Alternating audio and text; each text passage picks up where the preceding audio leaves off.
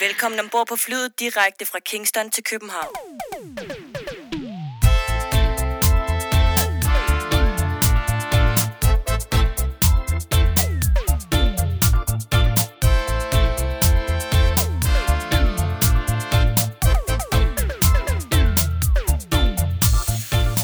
Du har tunet dig ind på podcasten Fra Kingston til København.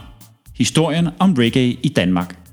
Podcasten, som går bag de personer, som har været med til og en del af at forme reggae i Danmark fra midten af 1970'erne og frem til i dag. Vores mission er at give ordet til mennesker, som har gode historier at fortælle, og på den måde skabe et bredt historisk billede af reggaeens udvikling i Danmark. I denne podcast kommer vi til at tale med musikere, sangere, DJ's, selectors, skribenter og journalister, som er og har været en del af dansk reggae-historie. Vi er Jørgen Husum og Lars Larsen. Velkommen til.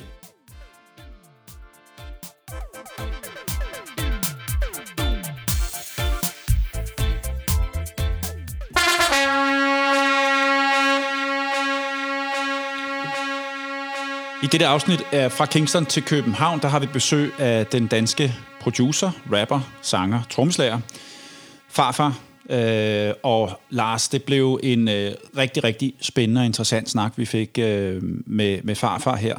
Og så var det en meget ærlig farfar også. Meget personlig, ja. Det synes jeg, og jeg får en rigtig, rigtig god snak.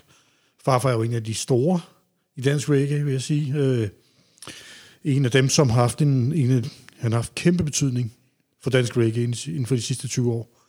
Været med i Big Stock, Joshua Cross, selv lavet hits. Øh, så et stort navn at have med, og en, en enorm vigtig figur, som sagt, i dansk reggae-historie. Vi kom rigtig godt omkring øhm, øh, vores, vores snak med, med, med farfar.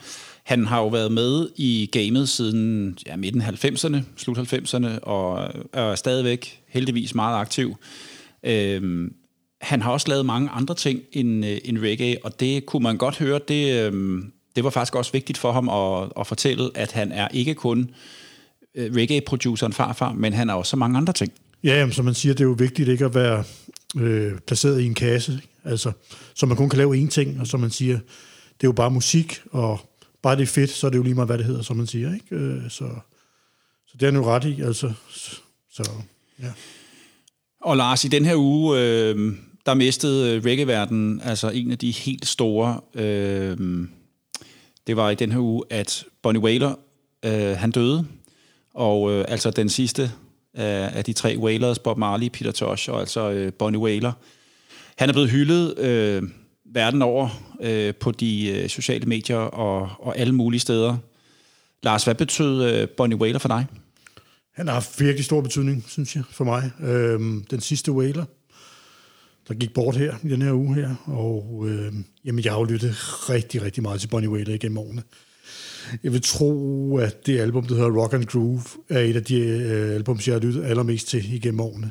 Selvom jeg har næsten 1000 LP'er, så vender jeg gang på gang tilbage til det album. Det er helt fantastisk. Øh, så en, en altså, ordlegende er ikke engang dækkende, altså. Øh, en af de allerstørste, der nogensinde har været. Øhm, og vi har jo været så heldige at opleve ham live nogle gange. Og det har jo også været kæmpestort, altså. Altså jeg har jo sådan en, øh, det er godt nok subjektivt, men jeg har jo sådan en teori om, at der er en fem eller seks navne inden for reggae-genren, som kan lave nogle koncerter på et, et enormt højt niveau, hvor andre ikke kan være med. Og der er Bonnie Wailer en af dem. Og vi har jo som sagt været heldige at se ham nogle, jeg tror, vi har set ham tre-fire gange, ikke? og det har været fantastisk hver gang. Så en kæmpe legende, der er gået bort. Heldigvis så, øh, så lever hans musik stadigvæk, og det gør, det, det gør den altid. I det her afsnit, øh, som vi skal høre nu, det var lige omkring de to timer med, øh, med, med farfar. Jeg synes, det var enormt inspirerende at høre hans, øh, hans historie. Jamen, det var det, og øh, også fedt, at han er så ærlig omkring de personlige ting og sådan noget. Det skal han have stor tak for, synes jeg. Øh, det var fedt, at han på besøg. Vi håber, I vil nyde det. Det kommer her. Rigtig, rigtig god fornøjelse. Big up Massive and Crew. Her er det Jørgen Husum og Lars Larsen, der byder velkommen indenfor til det 19. afsnit af Fra Kingston til København. Dagens gæst er en sand pioner inden for dansk reggae. Han har været aktiv siden slutningen af 90'erne og har gennem sin karriere nået at være trommeslager, sanger, rapper og producer. Han har produceret tunes for blandt andet Natasha, Wafande, Shaka Loveless, Beanie Man, Coach Ranks, Horace Andy og Max Romeo og mange flere. Han har haft sin helt egne hits som soloartist med La, La Marulle, Alt er godt, og Kawasaki, og min personlige favorit, Det er koldt derude. Og ikke for at glemme de mange hits, han havde sammen med Big Stock Røgsystem op igennem nullerne. En sand musikalsk blæksprutte, der hele tiden søger nye muligheder og afsøger grænserne for, hvad han kan drive det til i musikken. Alt i alt har dagens gæst haft en kæmpe betydning for, hvordan dansk reggae har udviklet sig gennem de seneste 20 år. Et stort og varmt velkommen til Søren Skov, a.k.a. Farfar. Velkommen til. Tak skal du have. I have. nu prøvede jeg sådan lige at lave en lille præsentation, men kan du ikke selv prøve at præsentere dig selv? Jo, altså I rammede jo meget godt. Altså det er jo det der med, at jeg er en musikalsk blæksprutte, kalder du det, og det betyder nok, at jeg er god til mange ting, og jeg er måske ikke den bedste til nogen ting, men jeg kan virkelig mange forskellige ting. Og det synes jeg egentlig er rigtig dejligt med sådan et liv, hvor man laver noget, noget nyt hver dag, stort set. Det, det, jeg bliver træt, når det går i ring. Hvor, øh, hvor begynder din interesse for reggae henne, og hvornår starter den? Ja, jeg øh, gik på Sølgade skole, ikke langt herfra, og øh, der havde jeg nok i virkeligheden mest bare hørt min fars ene Bob Marley-plade igennem Kaja. Øh, og øh, så øh, var der en fyr, der kommer ind i 6. klasse, tror jeg. På det tidspunkt går Natasha også på skolen, og da han kommer ind der, så begynder vi lidt i sådan en klike, mig og Natasha, og øh, 4, 5, 6 andre. Og så er vi ligesom klikken, og ham der Jakob der hedder han, han, han havde en storebror, der hørte øh, Burning Spear live i Paris, og Åh, oh, fantastisk Sygt album. Plade, ikke? Ja, altså. og så hørte han noget Aswad og sådan noget der. Det var mest sådan noget engelsk noget. Øh, Steel Pulse. Og så, så begyndte vi ligesom at høre det sammen med øh, The Doors og Hendrix og sådan noget. Så, og det var ret fedt. Øhm, og så kom funk til mig. Lige pludselig fandt du, at der var noget, der hed funkmusik. Og det var stort set hele 90'ernes... Øh, øh, det var alle steder i nattelivet, man hørte funk man gik på Jazz House og Park Café og sådan noget. Og så, øhm, så jeg spillede i et band sammen med Chapper, der hed Grand Moff, og spillede, øh, Ray, øh, spillede undskyld, funk. Øh, men sådan lige tidligt i det forløb, der øh, var jeg jo gået ud af gymnasiet, der var jeg begyndt at spille trommer der i gymnasiet. Og så ikke rigtig Natasha det gamle slæng mere, når man går i gymnasiet, så skilles vejene lidt der. Og så, øh, så fik jeg øh, blod på tanden med det der musik, og der øh, skulle jeg så havde jeg en børneopsparing, så jeg ville gerne ud og rejse. Og øh, jeg mødte en fyr, som sagde, at øh, man kunne tage til... Han kom fra Kenya, og jeg kunne tage til Kenya, og han skulle hooke mig op med nogen. Øhm, og så, kunne jeg, så ville jeg tage derned og lede efter folk, jeg kunne spille trommer med. Og øhm, der fik jeg lige pludselig øjnene op på dancehall. Altså før det havde jeg hørt hiphop rigtig meget, og selvfølgelig funk, men hiphoppen var sådan... Det var der, hvor jeg fik den første øh, sådan en åbenbaring hvor man Hørte du det i Kenya, da du var i Kenya? Nej, det hørte jeg faktisk før. Altså i folkeskolen, der kom noget Run DMC, da jeg var 12 år, og der kom noget... Der var især det der, noget der hed KS1, Boogie Down Productions, og jeg kunne bedst lide de numre, det fandt jeg så ud af senere, som var sådan lidt reggae-agtige. Han, han har sådan en ja, reggae... rigtig meget af det, de laver, er reggae-inspireret. Ja. KRS-One ja. og ja, Boogie Down Production der, ja. ja. Og, og det vidste jeg ikke ja. på det tidspunkt, hvorfor det var. Der var nogle numre, jeg var helt vild med, og det, så tænkte jeg, det er bare en eller anden bestemt form for hiphop, som jeg godt kan lide. Og så kommer jeg så ned til, til Kenya, og der har de de der matatu, hedder de, som er sådan nogle minibusser, som man bare stopper folk ind i, altså sådan... Øh, helt ekstremt. De står og presser på folk udefra. Der er altid plads til en selv, ikke? Og så har de så udstyret dem med kæmpe sound systems ind i, altså helt vildt. Og så når de så kører, så sætter de bare et eller andet på, ikke? Og der hørte jeg så for eksempel sådan en um, Murder, She Wrote, og mit liv tog en ny åbenbaring. Hvad fanden er det her? Ikke? Det er jo sindssygt, det der. Øh, og så kunne jeg købe de der kassettebånd, øh, Raka Raka, og hvad de hedder, som blandede bånd der. Og og der fandt jeg ud af, at der var noget, der hed dancehall, og det var, da jeg så kom hjem, så var jeg bare, øhm, det, er, det er simpelthen bare det, det nye, øh, det skal jeg lave. Og så prøvede jeg at overtale alle mine øh, funk-musikere til at prøve at spille dancehall, og det lød jo helvede til, fordi både at det er rigtig svært, det ved du, Jørgen, med sådan et øh, live trumsæt der, og, og, og hele det der med, med den der gentagelsesfaktor, det var røvkedeligt for dem, når de var, de ville jo spille alt muligt. Så, så jeg blev sådan lidt kørt ud på det der reggae-sidespor. Og så en dag, så spiller vi en koncert ude på øh, Park Café med Grandmoff, og der møder jeg Alawi, som siger, at han kunne godt bruge en, og jeg kender vist Alawi, fordi min far havde en restaurant inde i huset i Magstræde, og der havde jeg også mødt, og der havde de jo Super Mike, og de der havde jo sådan en klub inde på Barbu, lige ved siden af min fars restaurant, ikke? Så, mm. så jeg havde lidt set, der foregik noget der, og jeg havde mødt dem, og der har været, været måske 10-11 år eller sådan noget, ikke? Så jeg kunne ikke komme ind, og lægeren sad jo i de døren, trommeslager lægeren der, ikke? Mm. Han var dørmand der. Øhm, men jeg havde ligesom set nogle af dem, og så genkendte ham der lav i mig, og så snakkede vi lidt, og han kendte min far lidt og sådan noget. Og så sagde han, om, om de skulle bruge en... De var jo altid på jagt efter musikere, de her drenge der. Var det øh, dengang, de var Japaf, eller det efter? Nej, Nej det var i 90'erne, det var Japaf, ikke? Og jo, så, Leon var jo øh, fast i Japaf, men ja. han skulle bruge noget, både til, tror jeg, noget ja. Bob Marley-band, han ville starte op med Mark Jackman, og han, skulle også, han havde også været i gang med noget med Lyrical, mm. øhm, hvor jeg så røg ind i det der, og ligesom skulle starte lidt forfra med trummen og de viste mig, hvordan det var, og det var jo ikke lige sådan der, vi prøvede sådan nogle Bob Marley sessions, hvor jeg prøvede at spille det, jeg hørte, og det er fandme svært, altså øh, man skulle nok angribe det på lidt mere, altså de der, den der specielle måde at spille hi-hatten på og sådan noget. Det var rigtig svært i hvert fald. Så jeg ligesom spillede med, med Lyrical og, og Patrick og ham der Spider der, og øh, en masse forskellige i nogle år, øh, mens jeg gik også og lavede hiphop ved siden af og prøvede at lave noget dancehall og sådan noget. Så, øh, så der var den ligesom, så kom jeg så ind i miljøet lidt og kendte, lærte folk at kende, og der er Jørgen og Tormod og alle mulige forskellige. Er det sådan cirka midt 90'erne, det her, slut 90'erne? Øh, ja, det passer meget godt, ja. Det er ja. det. Øhm, og så rundt i landet og spillede med Lyrical der, alle mulige mærkelige steder, og skoler og biblioteker, alt muligt. Øhm, og så, øhm, så havde jeg jo så lige pludselig, så havde jeg jo den her computer, jeg havde købt, som kunne man kunne indspille lyd ind i den. Det var noget af det første, sådan en Mac-computer. Man kunne sætte to fonostik ind i den, og så kunne man køre en Cubase, og der var jeg simpelthen bare, wow, nu skal jeg ikke, nu skal jeg ikke kæmpe med de andre musikere for at få lov til at lave noget reggae. Nu, nu kan jeg bare gøre det. Altså, vi skal ikke stå i sådan en eller anden demokratisession, og ej, det synes jeg ikke. Jo, det synes jeg. Jamen, det er for reggae. Jamen, det er, ja, okay.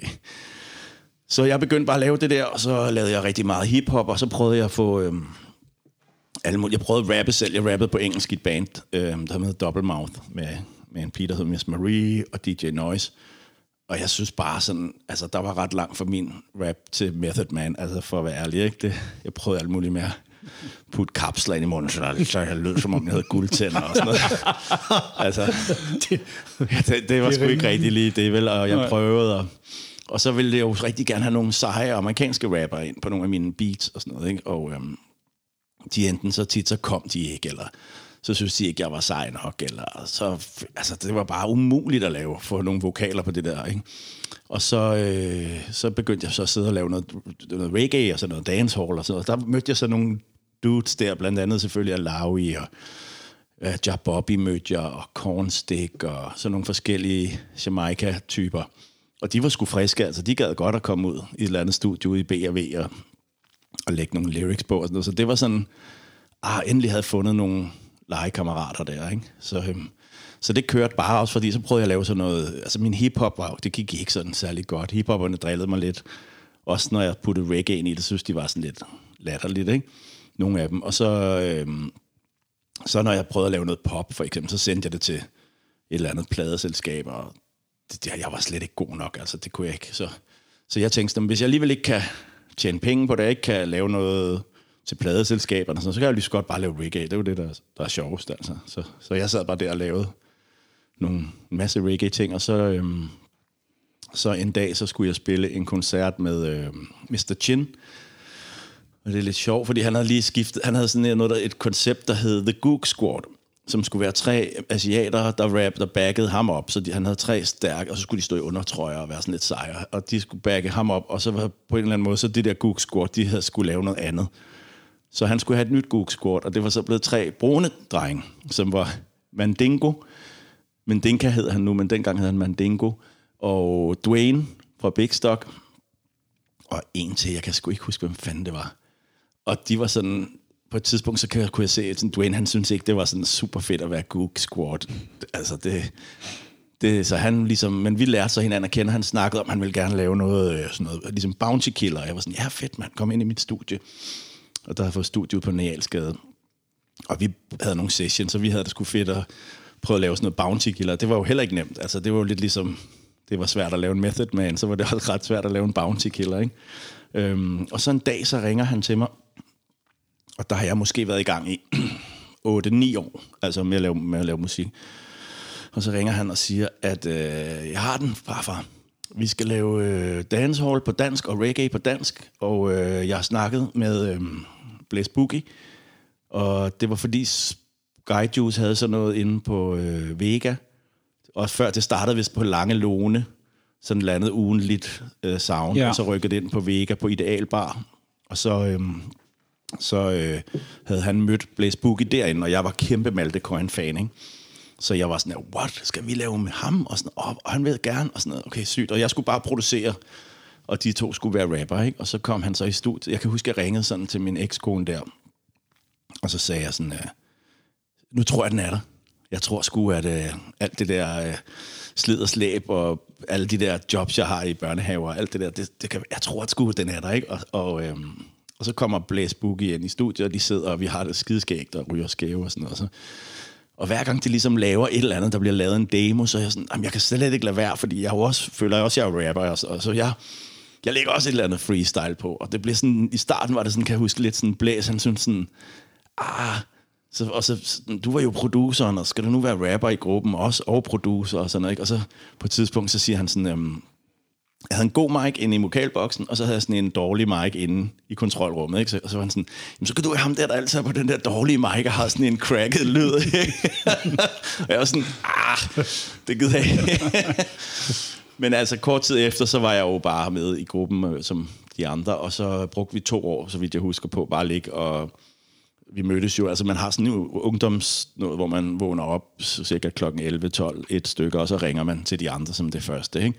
Og hvad laver du i dag? Nå, ikke noget. Om skal vi tage i studiet? Jeg ringer lige til Blæs. og sådan. Så vi havde sådan en, sådan en drengebande der, og så lavede vi musik, men vi ville gerne have et sound system. Fordi vi havde, jeg var jo sådan lidt i gang, jeg tror Robert Up var lidt i gang. Måske var Robert Up ikke startet, men vi var sådan, vi vil gerne have den der sound system, fordi vi så Universal Sound og Rootsman og People's Choice, og vi vil gerne sådan, vi havde en eller anden følelse af, at vi kunne gøre det bedre end dem. Og vores hemmelige våben skulle så være, at når, der, når det hele stod, og vi havde soundclash, fordi det var ligesom det, jeg havde været i et eller andet åndssvagt soundclash med min gamle ven Philip fra det der Joseph's Cross. Han var jo med til at starte Robert op, og vi lavede så et soundclash mod Universal på Stengade, og tabte. Og det gjorde ondt. Det gjorde rigtig ondt, ikke? Fordi, var, det, var det med 59P sound system? Nej, det var det? Joseph's Cross. Det var mig og Philip. Nå, det var... Okay, Joseph's Og vi havde Cross. cornstick på mic'en, og der var ikke nogen, der havde nogen dubplates andet end, og det hele var et stort råd, altså. Øhm, men jeg kan bare huske den der føle, altså jeg er sådan en type, sådan, jeg er venner med alle, men når jeg går ind i en konkurrencesituation, altså decideret konkurrence, så, så får det det værste frem i mig. Altså, jeg, jeg synes ikke, det er rart. Og, og især ikke at der er nogle andre, der bliver udtrukket som vinderen, og hvis jeg synes, det er uretfærdigt. Det er jo altid uretfærdigt, ikke? Mm. Det er jo aldrig sådan, at man alle bare siger, ja, de var meget bedre. Altså, det er sådan, og det har skabt utrolig meget splid i hele reggae-verdenen, i hele Danmark, det der, ikke? Mm. Uh, konkurrere på musik, ikke? Og, og hvem var det, der sagde det? Capleton og Ninja Man, ikke? Music is a mission, og der competition. Who tell me that was my friend Capleton, siger han, ikke? Og det giver mega god mening for mig, fordi jeg blev i hvert fald totalt indebrændt på Benjamin, og især på Adam. Øhm, som uh, fra Universal, ikke? Jo, ja. som jeg er vildt gode venner med og alt muligt, men de var sådan lidt øh, kode. De var sådan lidt, øh, haha, vi vandt, vi er de bedste. Især Benjamin, han har sådan en, en dejlig jysk øh, Aarhus-humor, ikke?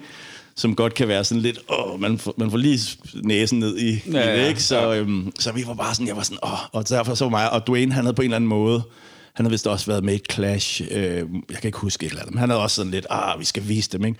Så vores plan med det hele med at lave musik, det var, at så når vi stod i battle, øh, Sound Clash, så skulle vi lige pludselig sige, ha, vi kan rappe.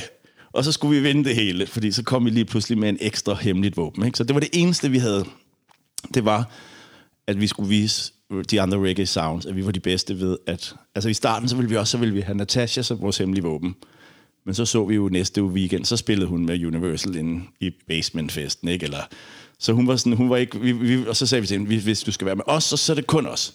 Og så sagde hun, fuck jer, jeg gider ikke, jeg, jeg gider ikke kun være med jer, altså det skal I ikke. Så vi var sådan, okay, så måtte vi selv, ikke? Og så begyndte vi så at skrive de der øh, numre der.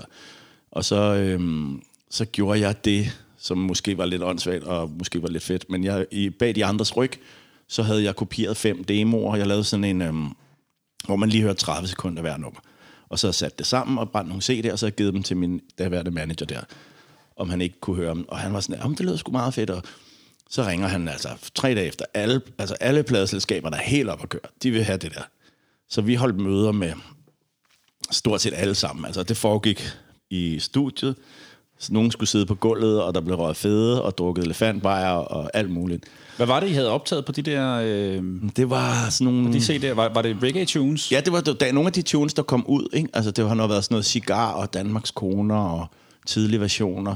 Var noget, som I havde lavet? Ja, af vores Ah, der. Okay. Vi havde taget noget af vores. Jeg havde gjort det hemmeligt, ikke? Altså, Ja, lidt okay. tavligt i virkeligheden. Jamen, som udgangspunkt skulle I jo bare have brugt det til, når I skulle clashe, ikke? Altså, Jo. det var det, der var meningen, ikke? I Og det var også sådan der, nej, nej, det var derfor, de andre de blev lidt skulle sådan uh, sure på mig først, ja, ikke? For ja. du kan ikke bare tage vores.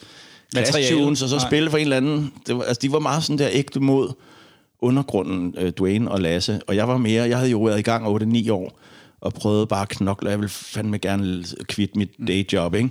Så jeg var et helt andet mindset. Altså, de var meget mere uh, true. Altså, de var sådan der, og det er de stadigvæk den dag i dag, ikke? Altså, øhm, men det skete i hvert fald, og jeg kan huske en dag, altså der grunden til, at jeg gjorde det, var, at vi spillede sådan en sound gathering ude på staden, ude foran, øh, hvad hedder den, øhm, Abegrotten hedder den nu, fælleskøkkenet hed den dengang, ikke?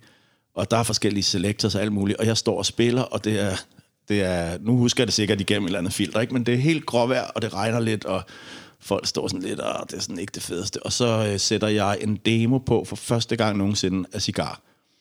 Øh, og lige pludselig så kommer solen, og alle begynder at stå, what, og lever op, og der sker et eller andet fuldstændig magisk for mig. Og der tænkte jeg sådan her, okay, det her, det kan mere end bare øh, vinde Clash. Øhm, og, så, og det var før Natasha var på alt det der. Så, der, så har vi så møder med de her pladeselskaber, og vi- jeg vælger et, og øh, inden for, jeg ved det ikke, altså, går virkelig hurtigt, inden for måske et halvt år, altså fra øh, måske altså allerede da den kommer ud, begynder den at blive spillet. Jeg kan huske, i radioen begynder det dagligt at være sådan, at der sidder forskellige værter derinde, især en, som jeg skylder en kæmpe tak, det er Thomas Madvig. Og, og han sidder hver dag i radioen og snakker om Big Hvis der ikke er nogen, der får, hvis vi ikke playlister det her, mand, så er vi fucking sindssyge og hører det her, og så der kunne han få lov til at spille. Så han sidder der, og lige pludselig så øh, ryger den så i den dårlige D-rotation.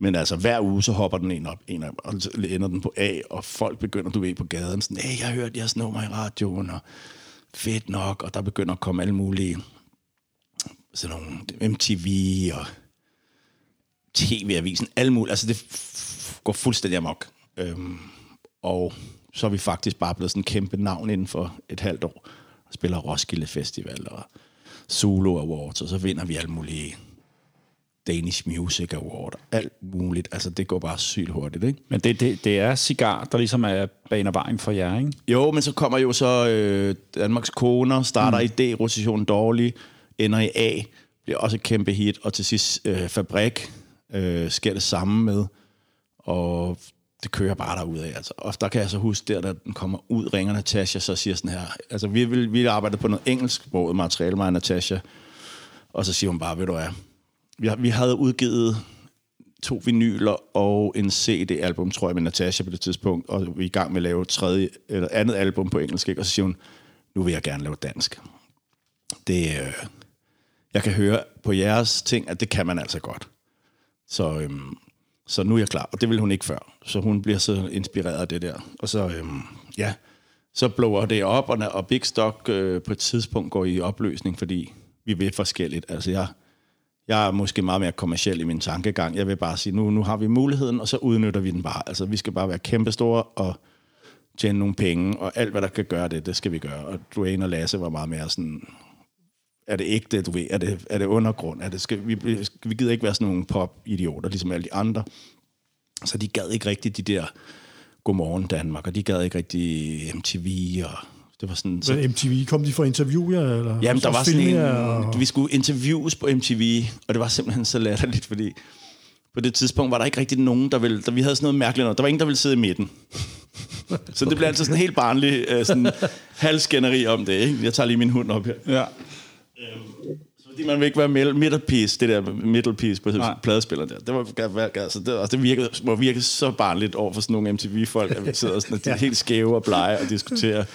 Og så var det også sådan noget med, at sådan, så var der sådan, folk ville ikke rigtig holde, så skulle man jo tage mikrofonen og sige noget, og så skulle den passes rundt og sådan noget helt MTV-agtigt. Men det, de andre to, de gad sgu ikke rigtig sige noget. Så, sådan, når jeg bragte mikrofonen, så gad de ikke rigtig tage den, og sad sådan bare kigget ud i luften og viste den, jeg gider ikke være her. Du. ved. Jeg synes, det var totalt plat, ikke? Og de synes, jeg var totalt plat, tror jeg, for at jeg var så kommersiel, og så de kaldte det, eller tror jeg, de følte, at jeg var medieliderlig i hvert fald, ikke? Og det var jeg sikkert også, altså det er jeg sikkert stadigvæk. Men det var i hvert fald en masse ting, vi ikke havde fået snakket om, og forskellige forventninger, ikke? Og så på et tidspunkt, så Jamen, så kom Robert op også, og den blev også en kæmpe succes, og, og det var svært at forholde sig til, altså, at det gik så hurtigt, og, og så blev vi sgu bare øh, sådan lidt øh, gammeldags øh, uenige, og så, så droppede vi lige der, da vi var allerstørst nærmest. Men jeres album Over Stok og Sten, det udkommer i 2005, mm. mener jeg. Mm. Øhm, det er jo også, altså på, på det tidspunkt, som jeg husker det, der er øh, hypen herhjemme øh, ret stor omkring Soundclash. Altså der, der er det første Soundclash herhjemme. Det er i 2005, og der er vist nok igen i 2007. Ja. Men I udkommer i Det, skal, 2005. lige, det første var jo ikke sådan specielt stort. Altså, jeg var dommer på det, kan jeg huske. Hvor var det henne? Det var i øhm, et eller andet sted ude på, Ar- på Christianshavn-agtig Amager. Øh, Så det er det der i 2005, ikke? Du Ja. snakker om, det, det er mit Soundclash i 2005, ja. ja. Og der hvor ja. Robert Ranks også Robert var. Ranks og var Hyde han faldt i søvn og sådan noget. Og Hyde Park og mig, vi var dommer os tre, og det var super, rigtigt. super Ja. langt. Og, og selvfølgelig med alle de begynderfejl, man nu måtte lave. Og, vi, og Robert op var jo sådan et sted, ligesom, hvor vi lærte sammen. Altså af at kigge på hinanden, og når der var nogen, der ligesom gjorde et eller andet, så, så var de andre, der vi var der jo altid. Så de andre så, nå okay, de gør det på den måde, og nå, det er det, der er en dubplate, og okay, altså, så vi opdragede hinanden. Jeg kalder det ligesom sådan en, hvis det var sådan en veteranbilsklub, altså man mødes, og så lærte vi det jo lidt efterhånden, ikke? Så, øhm, så ja, der var sådan et eller andet, det boblede i, i, i, i det hele, og vi havde de der basementfester, og vi fyrede den sgu af, altså der var, der var mange fede fester, altså rigtig, der var sådan en helt miljø derop, der opstod, og, og meget af det, altså for mig var kæmpe, øh, Dwayne var fuldstændig en magtfaktor i det der, fordi han havde, man brugte det der messenger dengang, ikke? Og så når Dwayne han logger på sin messenger, så var der et eller andet 200 mennesker, og så kunne han skrive, alle sammen kom og hør farfar spille i dag på et eller andet. Og så kom der i hvert fald 50-70, ikke? Og han gik jo rundt Øh, og nærmest tvang folk til, du, du, jeg stopper først med at sige Robert op, vil du prøve at komme der en gang? Og så sad folk jo fast, fordi så var der billig øl og sådan noget. Ikke? Men ligesom han, han havde en ild, der brændte, som skulle bare skulle, det, det skulle bare ske, det der. Og nogle gange skal man jo passe på, hvad man ønsker, ikke? Fordi vores største ønske var, at det skulle blive så stort som muligt, så alle kunne se, hvor fedt det var. Men pludselig mister man det jo også, så man jo ikke, så er du ikke ens hemmelige lille barn, så er det lige pludselig P3 og, og alt det, der skete senere også, altså hvor man nogle gange, så har man jo ikke gennemtænkt den tanke der. Så, øh, så går det jo fra undergrund til at blive overgrund, og det, det er jo ikke altid, man har lyst til det. Men var, I, I, I var jo, eller I er jo tre individer, som har hver- hver jeres baggrund og hver jeres øh, ønske om, hvad, det, hvad Big Stock skulle blive til. Er det ikke svært at, øh, er det ikke svært sådan at forene tre, tre så forskellige mennesker sådan, øh, forventninger til, hvad sådan et projekt det skal kunne, når det, når, når, det bliver så stort? Jo. Altså, blive jeg vil sige, om, man- det er rigtig svært, hvis man snakker om det, så det, kan det være svært, ikke? Men hvis man ikke snakker om det, så er det umuligt. Mm. Fordi vi var ikke det band, der sad ned og, og udtrykte os. Altså, vi udtrykte os kun igennem musikken, ikke? Så, så vi viste det nærmere ved, ved stillhed eller ignorere hinanden. Eller sådan. Altså, vi var meget, på den måde, synes jeg, dårlige til at snakke og få løst de der... Men ja, det er jo totalt svært og virkelig, virkelig for os i den alder og den øh, mindstate, vi var i. Og det skete jo også der, altså der gik jo ikke lang tid, så var vi opløst. Og der kunne man jo sige, at vi stod der. Det følte jeg i hvert fald sådan, hallo, vi har det. Vi kan leve det her måske resten af livet, hvis vi gør det ordentligt. Vi kan blive D.A.D., altså hvis vi gider. Øh, og de andre gad selvfølgelig bare ikke være D.A.D. Altså, det er jo totalt forståeligt. Øhm, men jo, det var, det var ligesom... Og det var sikkert er også det det, der lidt gjorde... det, Er det ikke det, det, du siger før med, at, at man også skal passe på, på det, man har, som du siger, at øh, det går fra at blive undergrund til at blive alt for kommercielt og alt for overgrund, ikke? Jo, og man går Ja. og identificerer ja. sig selv som en, en lyssky undergrund, en rebel, en eller anden opposition mod et system, og pludselig så repræsenterer man det system, Ja, ikke? ja. Så, så sidder man derinde øh, i Godmorgen Danmark og smiler til værterne, ja, mens alle ja. de der undergrundsmennesker siger, hvad fanden laver han Ja, der, ikke? ja. Og det var svært. Ja. Øhm, og, og ja, så døde den. Hvad, hvad tror du, I, fordi I gjorde jo virkelig mange ting rigtige, fordi I ramte jo, I ramte jo plet, kan man sige, i, øh, i den danske. Øh, I blev spillet sindssygt meget øh, i radioen. Hvad var det, hvad var det I gjorde rigtigt? Hvor, hvor ramte I det der, det der hul, hvor der virkelig manglede noget reggae og noget hiphop øh, med, med Big Stock? Jeg tror, altså som alt andet, er det virkelig meget timing, ikke? Fordi hvis du kommer med det, forkerte, det rigtige album på det forkerte tidspunkt, så sker der ikke noget. Øhm, Men er det fordi, det var dansksproget? Jamen det var fordi, på det tidspunkt, som jeg husker det, der var sådan en eller anden overvældende poplyd, dominerende. Altså der var sådan noget, Lis Sørensen og... Øh, det var sådan, der var en eller anden opskrift, sådan at der var alle dem på pladeselskaberne, de troede, eller ligesom det er nu, ja, jeg for, det forklarer dem lidt, men at man tror, man ved, hvordan øh, det skal lyde, og hvis det ikke lyder sådan, så er det ikke øh, aktuelt. Men det var lige der, hvor den var begyndt at krakelere. Altså det der med et, øh, et poppet A-stykke og en øh, masse sovsede akkorder i broen, og så en eller anden omkvæd der, sådan, altså, hvor det hele blev pakket ind i sød, sød øh, pop, ikke?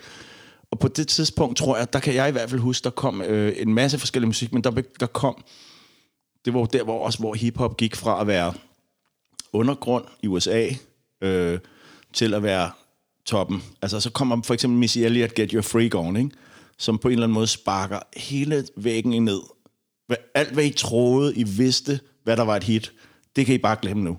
For her er et nummer med en tyk dame i rumtøj, der står og rapper om at spytte andre i munden, og så er der et eller andet beat, der lyder som en eller anden inder, der har samlet øh, whatever, en jungle-nummer, ikke? Og der var det bare sådan noget, okay, som jeg følte på det tidspunkt, så kan du altså ikke, no way back, så kan du ikke komme med et eller andet super poppet øh, gammeldags nummer, så vil du blive grinet ud, ikke? Det skulle være karakterfyldt, det skulle være skørt, anderledes. Og det var der bare ikke super meget af på det tidspunkt. Og så havde vi jo ironi og humor, som Ja. der heller ikke var super meget af. Så vi kom bare der på det rigtige tidspunkt, lige i opstarten af noget. Og så blev vi på en eller anden måde bannerfører for den. Øhm, og der skete jo mange andre, der kom efter, der begyndte, lige pludselig begyndte at blive dyrket, det der specielle lyd der, ikke? Og de troede jo sådan der, at det var mig, der havde opfundet det, ikke? Altså det, det var også sådan lidt, jeg fik rigtig meget af opmærksomheden, fordi jeg var den, der var mest, lad os kalde det, medieliderlig, ikke? Jeg tog, og og de andre gad ikke, så jeg tog mange interviews, og jeg var all- allerede i gang med at arbejde med alle mulige andre artister, og remixet og alt muligt. Og så var der ligesom mange, der var sådan, hvordan opfandt du det der? Ikke? Sådan, og det var ligesom om, at det var lige det, der var så ærgerligt, at folk fattede ikke, hvor det rigtigt kom fra.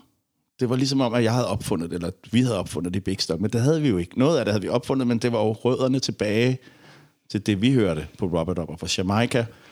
Og det der one drop nærmest sådan, ej, hvor er det godt fundet på, og sådan noget, ikke? Altså, hvor man bare sådan, og vi kæmpede virkelig med det. Altså, vi ville jo gerne have folk gravet ned i skattekisten, ikke?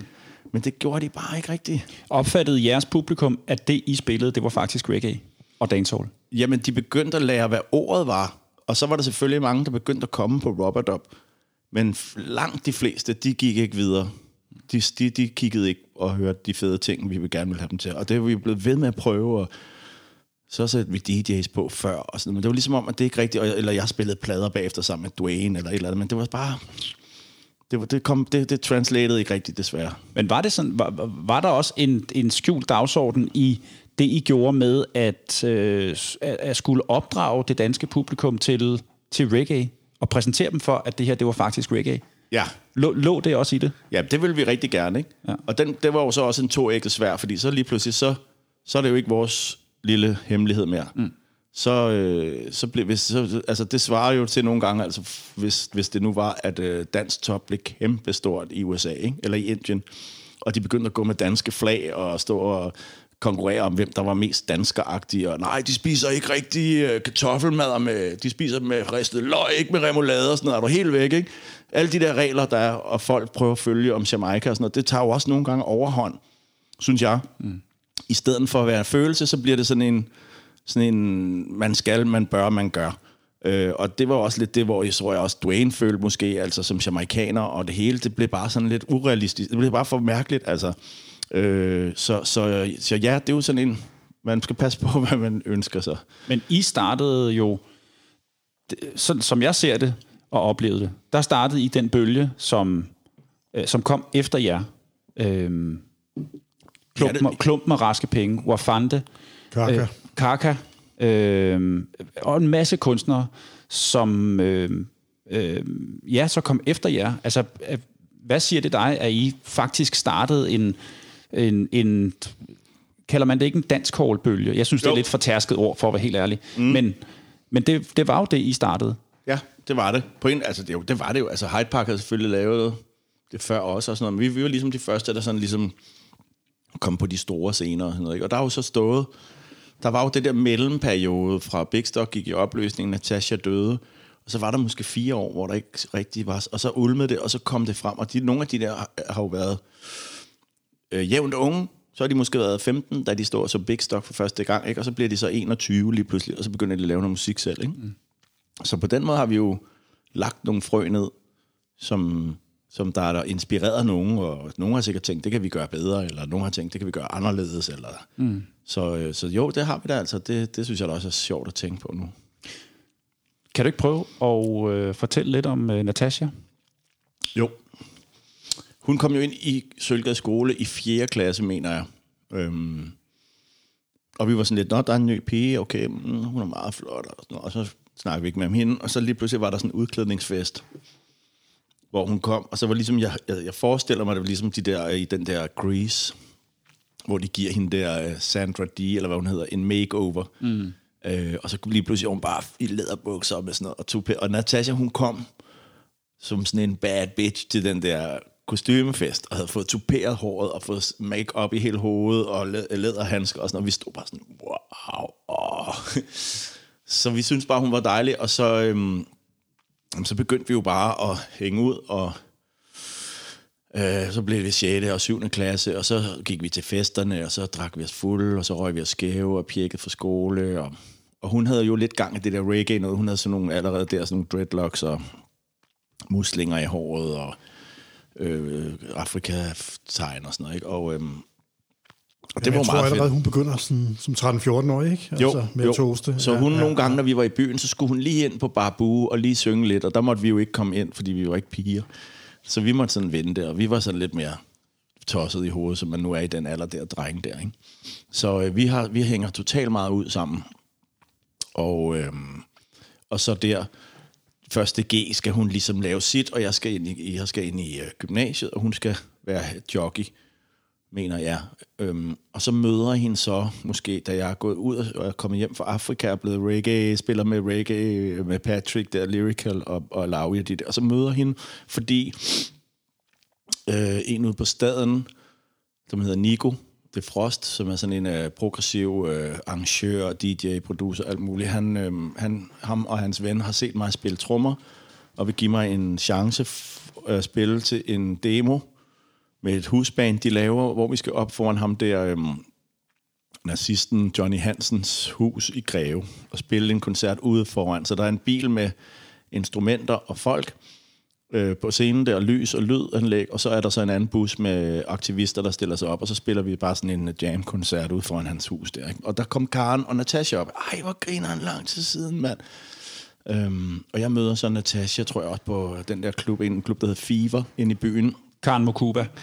Nej, der møder Natasha også der, sådan lidt Nå, efter. Det, det er Karen Mokuba og Natasha, der kommer Ja, de kommer, og, og ja, undskyld, ja, selvfølgelig, ja. ja. Og rapper, ikke? Og ja. så møder hende der, og jeg er fuld og hæng, og øh, kaster mig over hende, ikke? Og så er der en eller anden fyr, der bare river mig af, sådan, hallo, mand, og sådan, næsten vil give mig tæsk, og så vidste jeg jo ikke, hun har brækket hoften der, men... Mm. Så hun går jo og halter og har krykker, og jeg sætter mig på skødet af hende og sådan noget. Det var ikke sådan, at det var, der skete ikke noget, men, men det var bare sådan der. Og så øhm, på det tidspunkt var Natasha sådan lidt slukket hendes drømme om reggae. Hun havde jo været hele vejen oppe, og næsten lige ved næsten, og så skete der bare ikke noget. En, en plade, tror jeg, eller en single ude, og et eller andet, ikke? Og, øh, og hun er sådan der, så er sådan, jamen, hey mand, jeg, jeg spiller reggae nu, og det er jo så fedt, mand, og nede i Tyskland, og der er alt muligt. Og hun er sådan, ej, den er død, du ikke? Og så sådan, jamen, kom forbi mit studie, og, sådan, og så heldigvis havde jeg studie over for hende. Hun boede på Islands Brygge, og jeg havde studie lige på Njalskade, lige ved siden af. Så jeg var sådan, kom nu bare, kom nu bare, kom nu bare. Og en eller anden dag, sådan, så, så kan jeg ikke huske, om jeg mødte hende. Kom lige med ind. Og så så hun jo, det var et rigtigt studie, og spillede nogle de der reggae-ting, jeg havde for hende, og okay. Og så var ligesom begyndte vi at lave noget musik, og jeg begyndte sådan at fodre hende med, med og tog hende med til de der dancehall explosion, og snakkede om, at vi skal bare lave vinylplader selv, og sådan noget. Vi trykker dem bare i Tyskland, du ved, fuck pladeselskaberne, og sådan noget. Vi skal bare skaffe 10.000 kroner, ikke? Øhm, og så begyndte vi ligesom at bygge det op sådan lidt mere og lidt mere, og hun begyndte sådan at mærke, okay, der sker noget, og vi tog til Jamaica sammen, og tog til England og sad og mixede album over hos Matt Professor, kan jeg huske, en hel uge sad vi derovre og mixede, ikke? Hun synes aldrig rigtigt, og det kan jeg godt give hende ret i nu, altså, at mine produktioner var ikke, de, de havde ikke den der amerikanske lyd, synes hun vel, og det, øhm, det var der simpelthen, det var, det, jeg var simpelthen ikke dygtig nok til at lave den der lyd, fordi det betyder jo helt vildt meget, at, altså, du kan have en, et, reggae-nummer uden bass, for eksempel, uden særlig meget bund. Det er jo ikke særlig fedt. Altså. Så det vil sige, at du producerede hendes musik, og så tog I det over og, og mixede færdig hos Mad Professor for eksempel, eller på Jamaica? Ja, først hos Mad Professor, så kom vi hjem, og så trak jeg en beslutning og siger, prøv at det, det nytter ikke noget det her, det går ikke, det her Mad Professors mix, fordi han har brugt øh, en halv dag på hver eller en dag, og det er jo mixet analogt. Så han skruer bare op, hvor han vil have hi-hatten, og så er der en eller anden lyd, han synes er sjov. Men det ødelagde min vision af, hvordan det var mest niveauerne. Det lød sgu meget godt, men det var niveauerne var helt fucket op, og han havde jo ikke brugt syv dage på hver nummer, som jeg havde. Og jeg, og jeg var lige ret den der lille... Altså, det var sådan hans ligesom hurtige sketch, ikke? Og, og, og der måtte jeg så fyre de der mixes der. Jeg kunne ikke bruge det. Og det samme skete så, da vi tog til Jamaica, for vi skulle mixe i Mixing Lab med Bolby, sådan en helt uh, miracle engineer derovre fra det bedste studie og det hele. Og samme skete, fordi når du kun har en dag til at mixe hver nummer, altså du skal reset boardet dagen efter. Faktisk allerede dagen, fordi om aftenen, når vi, når vi mixede på Jamaica, så kom øh, Flower Gun og skulle mixe sit album. Så det vil sige, at hver gang du laver et mix, så resetter du det. Og så kan du ikke komme igennem dagen efter og sige, jamen øh, skru lige op for den der hi-hat, eller den er alt for høj, den der k-klok. Så det blev, synes jeg, det kunne ikke bruges, det der. Øh, men, men hun havde helt klart fat i, at jeg var slet ikke på det tidspunkt øh, god nok til at mixe det der. Altså, der, der var manglet noget med lyden der, ikke? Ja, og så, øh, jamen så gik vi så i gang. Vi satte det øh, engelske album der på hylden, og så gik vi i gang med at lave dansksproget. Og det første nummer, hun lavede, det var sådan her, det kom ikke med på pladen, der var sådan der. Jeg synes ikke, det var godt nok. Jeg forventede Big Stock lyrik, ikke? Jeg forventede sådan noget ekstra, ekstra. Øh, og det, jeg følte, det hun lavede, var sådan noget Nick og Jay-agtigt noget. Øhm, men så kom lige pludselig med et nummer, der hedder I Danmark er født, hvor jeg var sådan, wow, det der, det er en fed tekst, mand. Det er, du forklarer sådan bedre end nogen anden, hvordan det er at komme fra forskellige kulturer og ikke føle sig hjemme i nogen af dem. Og så vidste jeg bare, at den er der, ikke? Så vi arbejder, øhm, og... Hvornår er det nummer udkommer? Oh, jamen, det kommer jo på pladen der. Jeg kan slet ikke huske årstal. Jeg, jeg har røget alt for meget. Altså, øhm, øh, men i hvert fald, så kan jeg bare huske, at hun skulle til Jamaica, og jeg skulle have været med. Øh, men det, så skulle jeg blive hjemme og mixe, for det var ikke færdigt. Og det sidste vokal, vi lægger, det foregår samme nat, hvor hun skal køres til, vi, vi holder os vågne og kører hende til lufthavnen, og hun lægger så den sidste vokaler der, og hun drak sig i øvrigt alt for fuld og brækker sig, og men jeg fik lige det sidste, jeg skulle bruge, og så så jeg, kommer så snart, at jeg er færdig med det album, så kommer jeg over til dig. Og så, øh, så ringer hun en uge efter, tror jeg, og siger sådan, hallo mand, øh, jeg har lige snakket med Ron Machette, som var øh, Irie FM-host på øh, om morgenen. Han havde Ron Machette in the morning, og han har så været i Miami og siger, det, der er et nummer, der kører Calabria. Det fyrer ud af alle biler i Miami. Det er helt vildt. Og det er noget, hun lige har fået at vide, ikke? og jeg siger til hende, ja, og vi har lige fået øh, ugens lige med ildebrand i byen. Og, det, det, og, så, og så skulle hun lave et nummer, det aller sidste nummer, øh, sammen med Little Hero, hvor, på min rhythm, hvor jeg havde bedt hende om at lave en sang med ham. Og så, så er hun væk. Altså, så sker det der forfærdeligt, ikke? Og det var i 2007, ikke? Var det det?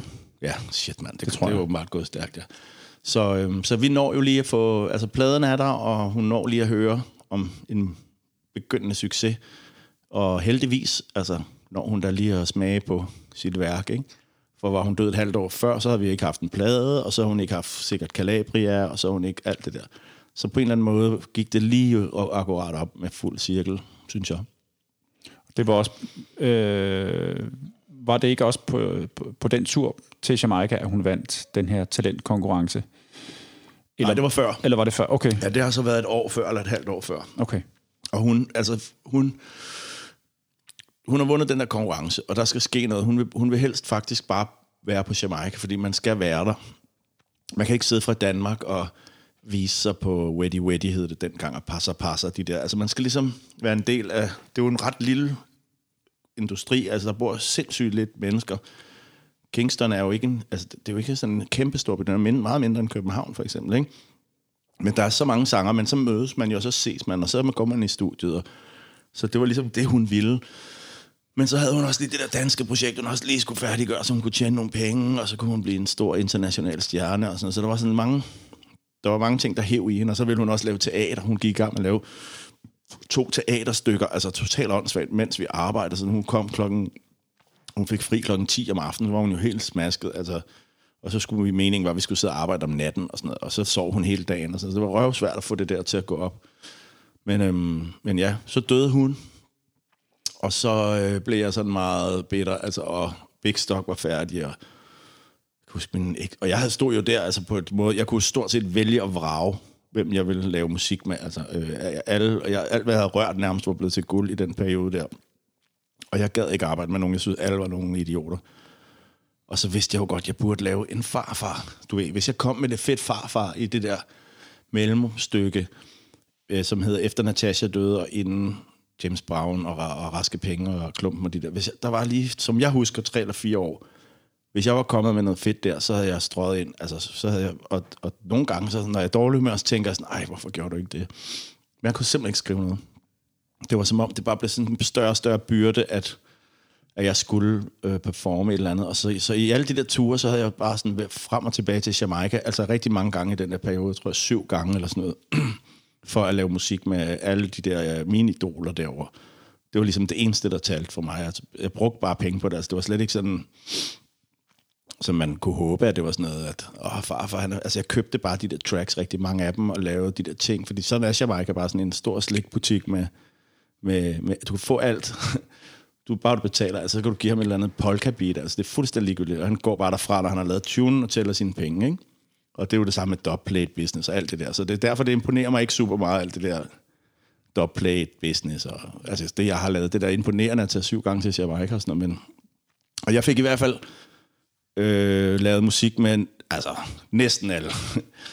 næsten alle. Altså, der er en liste så lang, så lang, som, ja. som man næsten ikke tror, ikke? Men, men du laver ikke noget i Danmark i den periode der, vel? At den der, nej, jeg gider ikke rigtig. Og, der, der, øh, så og kommer, du skriver ikke noget selv, og du... Nej. Øh, nej. Altså, så kommer for eksempel øh, Wafande, han... Jeg laver tv-program, altså også fordi jeg røg så meget tjal på det tidspunkt, ikke? Så jeg lukkede mig ind i sådan, og det gør jeg ikke mere, så jeg lukkede mig ind i sådan en mega koger der, og så kan man bare holde hele verden væk, og bare sidde og lave et eller andet sisler-nummer, ikke? Øhm, men på et tidspunkt var jeg lavet noget tv med Chopper, til Danmarks Radio, som hedder Chopper Farfar, en, en sådan satireserie, og så, øhm, så Wafande, en ung Wafande, har meldt sig til som statist, for han vil møde mig og give mig en CD, og håbe, at jeg gider arbejde med ham. Og jeg, den der CD, den ved jeg ikke, hvor blev af. Altså, den fik jeg sgu aldrig hørt, vel? Og var, det ikke, var det ikke dengang, han hed Fantabis? Jo, jo. Ja.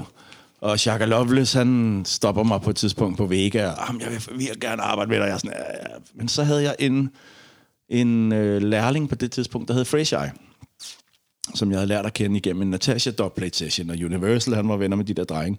Og han var så blevet min lærling, så jeg sagde bare til ham, ja, ja, bare gå ind og lave noget musik med min lærling og sådan noget. Så bare smut med jeg, jeg gad ikke rigtig noget, vel? Og så gik jeg jo nogle gange forbi, når om aftenen, når jeg var på hjem, så hørte jeg sådan nogle fede ting inden for Fresh Eye. Og så var jeg sådan, hvad fanden er det? Nå, det er ham der, hvor fanden det der, ikke? Eller Fantabis, ikke? Og okay, og han lavede også noget med Karen Mokuba og alt muligt. Og så blev jeg ligesom vækket lidt igen. Øhm, så begyndte vi så at starte måske, hvad man kunne kalde den tredje bølge, hvad fanden det ikke? Med Chaka og Waf og Kaka, og til sidst mig selv også med det der, lad mig holde dig, ikke? Men i mellemtiden der, der havde jeg der har jeg bare rejst så meget til Jamaica og, øh, lavet alt muligt. Altså, øhm, både først og fremmest de der gamle øh, veteran singers, ikke? Sådan en uh, Sugar Mine og en Half Pint og alle mulige sådan nogle ting der. Så lavede jeg et album, der hedder Robert Up, Farfar Presents Robert Up Sundays med en masse fede øh, gamle drenge der, ikke? Og så ellers så lavede jeg med, så er der sådan noget med Beanie Man og Natasha og øh, Idonia og Vibes Cartel og sådan nogle ting der, ikke? Så nu har jeg ligesom, så fik jeg løbet det af, ligesom sådan, okay, nu ved du, det er bare en stor butik. Så nu for den dag i dag, der betaler jeg ikke for nogen for at lave noget som helst. Jeg laver stadig masser, men det er med dem, der gider. Og det er uden penge. Og hvis de ikke er med på det, så laver vi ikke noget musik. For jeg skal simpelthen... Og det, jeg følte mig sådan lidt... Øh, de, de, de så nogle gange en som en eller anden stor ATM-maskine, ikke? Hvor at... Øh, de er lidt ligeglade med det produkt, man har lavet. De beder ikke engang en kopi af nummeret. De kan ikke huske det. Der, der er sådan lidt ham der, jeg er bare en eller anden hvid nar, ikke? Altså, på nogen, for nogle af dem, altså de er dumme af dem, ikke? Så var der fede, altså nogle af dem, jeg blev rigtig gode venner med. Sådan en Cotty Ranks, synes jeg var mega fed, for eksempel. Vi, lavede, ja, vi passede ham, en, mig og Andreas, vi skulle øh, køre og passe ham lidt og tage ham fra Aarhus til København. hvor han bare sidder, og han snakker bare kun om gangster, altså og hvem der er blevet dræbt, og jeg siger der, og vi sad bare til sidst sådan, åh. Altså, jeg kan forklare det på den måde, at øhm, en dag så hører jeg, øh, Stun Gun har været på Jamaica, og så fortæller han, at han havde mødt King Kong, og øh, nu begyndte, og King Kong han ringede til ham i Danmark. Og jeg var sådan, what? King Kong, ham der, jeg har på de der plader, og sådan noget, var sindssygt. Det, og der havde jeg ikke været på Jamaica, men hvor er det hjernedødt? Øhm, det kan ikke passe. Han ringer til, til, til Christoffer og sådan noget, ikke? Og så fandt jeg jo så ud af, at det handler bare om, ja, jeg skal ikke lave et nummer til dig, tror jeg. Altså uden, jeg ved ikke, hvad han snakker med Christoffer men nu har jeg lavet et album med King Kong, ikke? Og det er bare sådan, ja, send lige 3.000, og så lavede jeg et album med Michael Rose, hvor han ringer midt om natten hele tiden, og sådan noget, kan du ikke lige sende 4.000, så laver jeg to numre, altså sådan noget. Så lige pludselig alt det der stjernestøv, ja. faldt lidt af, for det var bare nogle det bare mennesker, business. som var bare ja. desperate for at tjene nogle penge, ja. og de har det fucking hårdt, altså, og det er ja. ghetto life, når så snart de har 5.000, så bruger de dem samme dag. Fordi der er ikke noget, der hedder bankkontorer. Ja. De fleste har ikke en bankkonto. Og hvis de gemmer dem, så bliver de stjålet, eller også deres venner. Hvis de ved, der ligger 10.000 under hovedbuden, så bliver de røvet, eller, eller de bliver anklaget for at være sådan nogle, åh, du kan glemme dine rødder og sådan noget, hvorfor giver du ikke bajer og sprut til os? Og så de skynder sig at give det til babymom, og så kan det være, hvis uh, Sisler, så køber han en ny internet til, til hjemmet, og så, bum, så er pengene væk, ikke? Mm. Så, øhm, så det faldt bare lidt sådan, Nå, det svarer til sådan, at, at, at for mig jo, at hvis man var til rock, så står, øh, hvad hedder han, Mick Jaggerson og, og prøver at hostle ja, ja. for en tusse, ikke? Ja. det er klart. Ja. ja. Men jeg har oplevet virkelig mange fede, sjove og skøre ting derovre. Altså, det er et fantastisk øh, sted at øh, have det sjovt. Altså, hvis man kan lide musik, vil jeg sige. Altså, hvis man ikke kan lide musik, så skal man lade være med at tage det til. Folk er virkelig, um, kan godt være rigtig øh, aggressive, og de kan være øh, virkelig, virkelig søde. Og, og, og, det er ikke, og man kan vente rigtig lang tid. Altså det mest er at sidde i sådan en eller anden yard i bane solskin og vente fire timer på, at Beanie Man kommer hjem, ikke? eller Michael Rose, eller et eller andet, eller Sugar Miner, eller sådan noget der. Ikke? Mm. Så, øhm, så det brugte jeg meget tid på, og så så var det jo ligesom lidt, så kom Lad mig rulle dig der, og så røg jeg på 3-4 års uendelig turné, altså bare spillet det nummer der. De skulle bare høre det nummer, og, og så var den lidt øh, gået øh, pusten ud af ballonen. Nu havde jeg haft 10, 12, 13 år på, på en evig uprising, og så var det sgu tid til at, at slappe lidt af og acceptere, at øh, intet bliver ved. Um. Er det ikke hårdt, og når du har sådan en hit som Lad mig rulle dig, for eksempel, er det ikke hårdt at skulle ud og spille? Altså, jeg ved ikke, om det også er i hverdagen, men i hvert fald weekend efter weekend efter weekend på diskoteker og på altså det samme og det samme og det samme. Jo. Det må være vanvittigt hårdt og, og udmattende. Det er det, og øhm, man skal sige det. Altså, jeg, jeg, det var jo tit, jeg spillede tre jobs på en aften, ikke? Og jeg fik tre flasker vodka hver gang. Det siger meget om, mm. hvad jeg brugte min tid på. Ikke? Og så tror jeg, når jeg kom hjem til København, hvis det var, jeg kom hjem klokken 3 om natten, så, så gik jeg lige ud og drak de der flasker vodka til klokken 8. Ikke? Og der er jo rigtig mange musikere, der bruger forskellige stoffer så, til at klare det der. Og jeg brugte min, øh, min bus, og jeg gjorde det der med, at jeg havde tømmermænd, når jeg var på vej, og så kunne jeg lige drikke tre øh, hårde vodka dansk vand inden jobbet, og så kunne jeg jo så være i gang igen. Ikke? Mm. Fire dage i, i træk. Så jeg, var, jeg knippede mig selv og min psyke og min krop og altså mit humør i det hele taget, som jeg var slet ikke parat til det. Så skulle til, og lige pludselig fra den ene dag til den anden var der ikke nogen jobs til mig. Så var det ligesom, jeg vågnede af en eller anden ond drøm, ikke? eller en fed drøm. Øh, og så var det bare sådan der, nå, hvad fanden, nå, okay, var det det? Skal det, gælder det så om at lave det næste hit så? Ja, det gjorde det jo, og det kunne jeg jo ikke finde ud af. Altså, øh, jeg var jo sådan der, jeg tror ikke, jeg var disciplineret nok på det område. Når jeg lavede et nummer, så udgav jeg det bare. Altså, jeg, lavede en, jeg har lavet en sang, okay, det er næste single. Hvor at nu til dags ved jeg jo, at man, dem, der er rigtig kloge, de laver jo 15 sange. Så vælger de den ene magiske sang ud af de 15 der, ikke? Jeg lavede bare en, så valgte vi den, og så gik det jo også derned af, stille og roligt. Så, øhm, så var reggae-bølgen også lidt overstået, og der var ikke rigtig så meget gang i den der. Så, øhm, hvor er du... Og nu lyder det helt sørgeligt. Nej, men det ligger faktisk meget godt op til, til det, jeg vil spørge om, fordi hvor er du så hen i dag? Det lyder som om, du har været på en kæmpe, kæmpe rejse. Øh, oplevet en masse ting, oplært dig selv i at producere musik, skaffet kontakterne, rejst til Jamaica, lavet en masse fede tunes, lavet en masse fede øh, albums, og nu står du så her i dag med en masse erfaring. Hvor er du henne nu? Jamen nu er jeg jo øhm, øh, der, hvor jeg ligesom prøver at finde ud af, at øh, ham der farfar, det er jo bare sådan et navn i virkeligheden. Altså det er jo sådan en figur, man skaber, og, øh, og så er det med ham der, Søren der, hvad kan han? Og han er i gang med at tage en, han startede på en uddannelse til terapeut, og jeg er øh, i gang med at lave en film, en biograffilm. Jeg har fået to gange støtte af, sammen med nogle andre selvfølgelig, men, men en film om en videredækning af mit liv, altså en, en, øh, en spoof på mit liv, øh, fra jeg var lille. Øh, og der har vi fået støtte af Filminstituttet, og det ser rigtig, det, det går godt, altså, så, så det er også i gang med. Så, og så skete det mest syret overhovedet, at jeg øh, har en god ven, der hedder Shelby, som er en afrikaner, som laver koncerter med ja. ret store navne i Danmark. Og jeg har spillet nogle koncerter for ham gratis og sådan noget. Så, øh, så ringer han til mig øh, for halvt år siden og siger, om jeg ikke øh, vil lave et nummer for ham. Eller så han synes, jeg skal, der skal ske noget mere med mig, synes han. Ikke? Og han sender mig et beat. Han sender mig tre beats, så jeg laver tre numre over en kop kaffe. Tre dage, et nummer på en par timer. Og så øh, lige pludselig siger han, jeg har en gut fra Frankrig, som vil udgive det her nummer. Det er på engelsk. Sådan noget afrobeat-agtigt, hvor jeg synger lidt Jamaica. Øh, Patois. Det kan vi jo også lige snakke om, fordi det, det har jeg hørt i nogle af jeres andre programmer. Ikke? Men det gør jeg i hvert fald. Øh, og så, øh, så siger han, at øh, så signer han mig sgu, og jeg får øh, en kontrakt, og jeg får penge, og øh, han siger, nu skal du til Rumænien, det er så her en måned siden, nu skal du til Rumænien og skyde video. Øh, og han er i gang med at, nu har han lukket aftaler i Tyrkiet, Indien, Rumænien, øh, Brasilien er i spil, Grækenland. Øh, jeg prøver at få Skandinavien ind, så der er sådan en video og et nummer og et nyt projekt, der hedder Farter med P-H-A-D-A. Øhm, og det var jo totalt mærkeligt. Altså lige der, hvor man tænker, nå, nu er det også på tide at og trække sig tilbage. Jeg trækker sig tilbage. Ja, ikke på det, ja. altså som artist, det er jo det der med at se mig og se, hvor fed... Altså der er jo sådan en kæmpe narcissisme i, i at være sådan en, en øh, artist der, ikke? Som der ikke er, når man er producer og sådan Men man er jo, man er jo sådan lidt øh, høj, høj, høj på strå der, ikke? Så, øh, så det må vi se, hvad der sker med det. Det er i hvert fald virkelig spændende for mig, synes jeg. Ja.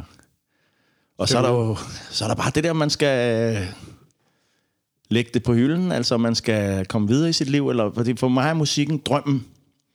Drømmen om, at der kunne jo ske et eller andet helt vildt. Uh, måske, altså det handler jo om at tro på, at måske er jeg god nok, i basically. Altså for, fordi mange af os musikere, os der står med mikrofonen, vi har måske en lille indbygget mindre følelse, der gør, at vi ikke er helt sikre på, om vi er gode nok. Så derfor vil vi gerne vise det. Øh, fordi hvis vi kan få andres bifald, så kan vi måske selv tro på det, fordi vi tror måske ikke så meget på det. Og derfor er det jo sådan en skrøbelig ting, hvor man også nogle gange er bange for drømmene, fordi det er ikke sikkert, at de går øh, i opfyldelse. Og samtidig, når de så gør, så kan man jo også blive helt høj på sig selv. Man bliver jo helt, altså, det har i hvert fald selv været, du ved, Uh, ham der farfar der, ikke? Altså, han var, jo, han var jo sådan en, der stod på de store scener og spillede på Roskilde Festival og var i radioen og i tv og alt muligt, ikke? Så det er også en del af processen at lære at, at nedbryde det og, og gik igennem det. Og samtidig så har man også lidt sådan, jamen, kunne det være, at der var en, en runde to, eller tre eller fire, du ved, jeg er 47 år gammel, og det der marked i Danmark, det er styret af 12-årige unger, der ser TikTok, ikke? Altså, altså det er måske også, nogle gange er det også meget fedt at sige, ah, ved du hvad, det, det, vi laver bare noget fed reggae, så, så må vi droppe det der stjerneliv der. Ikke? Men der er en lille gnist stadigvæk, som jeg ikke ved, om jeg skal begrave endnu, især med det her, ikke? Altså med, med Paris og alt det der. Men skal du så ud og spille i de lande der? Er det meningen med det der projekt, ja. du har der? Ja, det er. Ja, ja. Øh, men det, det ved man jo fedt. ikke nu. Altså det, Nej, jeg ved ikke, om man kan komme til, Nej. Hvornår det kan lade sig gøre, men... Fandme være sjovt. Ja. fandme være sjovt. Ja. Altså, så. Ja. Jeg ved i hvert fald, at min sang bliver playlistet på Haitis radio, øh, nationalradio. det er fandme sejt. ja. Nu kunne jeg godt tænke mig, at vi øh, hørte noget af det musik, som du har valgt øh, at tage med. Øh, det første nummer, det er, det er jo et af de her lidt, sådan lidt crossover hip-hop øh, dancehall numre. Øh, Mush It Up har du valgt, featuring øh, KRS-One. Hvor, hvorfor skal vi høre det nummer? Netop for at fortælle om den gang, hvor jeg hørte det der hiphop, og når der så kom sådan et nummer som det der ind, hvor de prøver at lave noget dancehall, det går også meget godt og sådan noget, men det er også sådan lidt... Øh, Altså, man kan jo godt nogle gange høre, det er nogle dudes fra Bronx, ikke? Altså, men der er i hvert fald den der baseline, som er sådan noget... Øh, jeg tror, den der Darker Shade of Pale, Darker Shade hedder den, eller et eller andet rhythm, ikke? Og, øh, og jeg vidste ikke, at det var det, det var. Jeg tænkte bare, det der, det er fandme fedt. Så det var min ubevidste lyst til dancehall, som man kunne høre der. Øhm, hvor at jeg ligesom synes, at dancehall var det fedeste, fordi det var danse, mere danseagtigt end hiphop, og det var melodier mere end rap og det smeltede sammen med de hårde trommer fra hiphop, øh, så, øh, så derfor synes jeg, vi skal høre det. Fedt, det synes jeg, vi gør. Det er, siger man Mosh It Up? Mosh It Up, ja. Mosh It Up, featuring KRS-One. Like I keep saying, that bass is. I keep telling y'all that bass is dope. Dope, dope, dope. Ay, ay. This is KRS-One in full effect. BDP posse rule every time. Sin and sackle. And anyone we see with a crown on him head, we just push it off. Sin because KRS-One is teacher. And we come right now to reach out. We go shoom. We go dum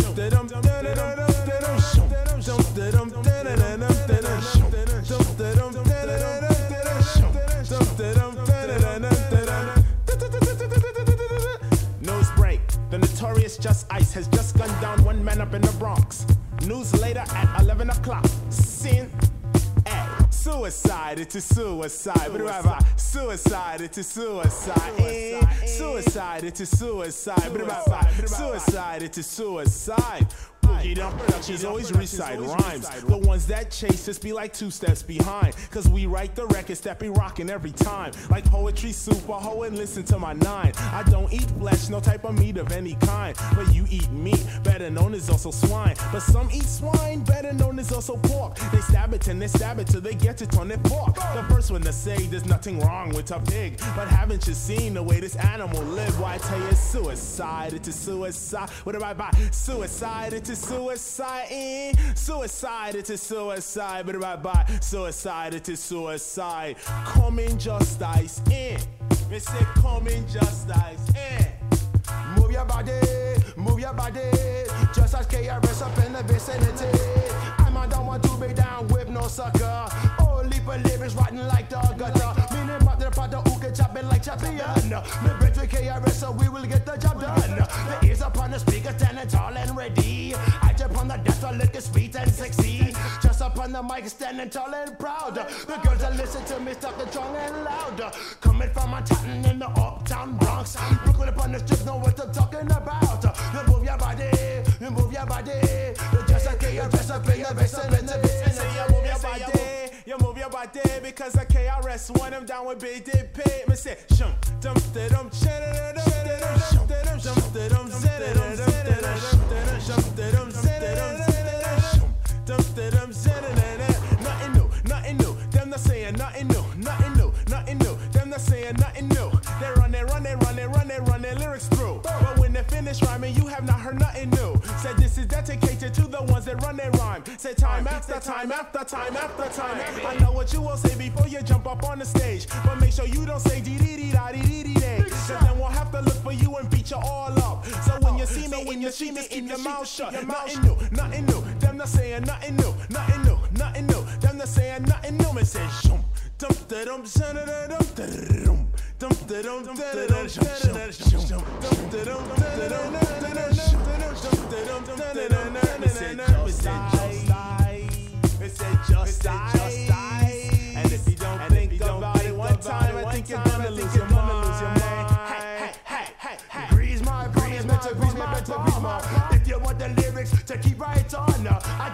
dust, I get the like I was King Kong.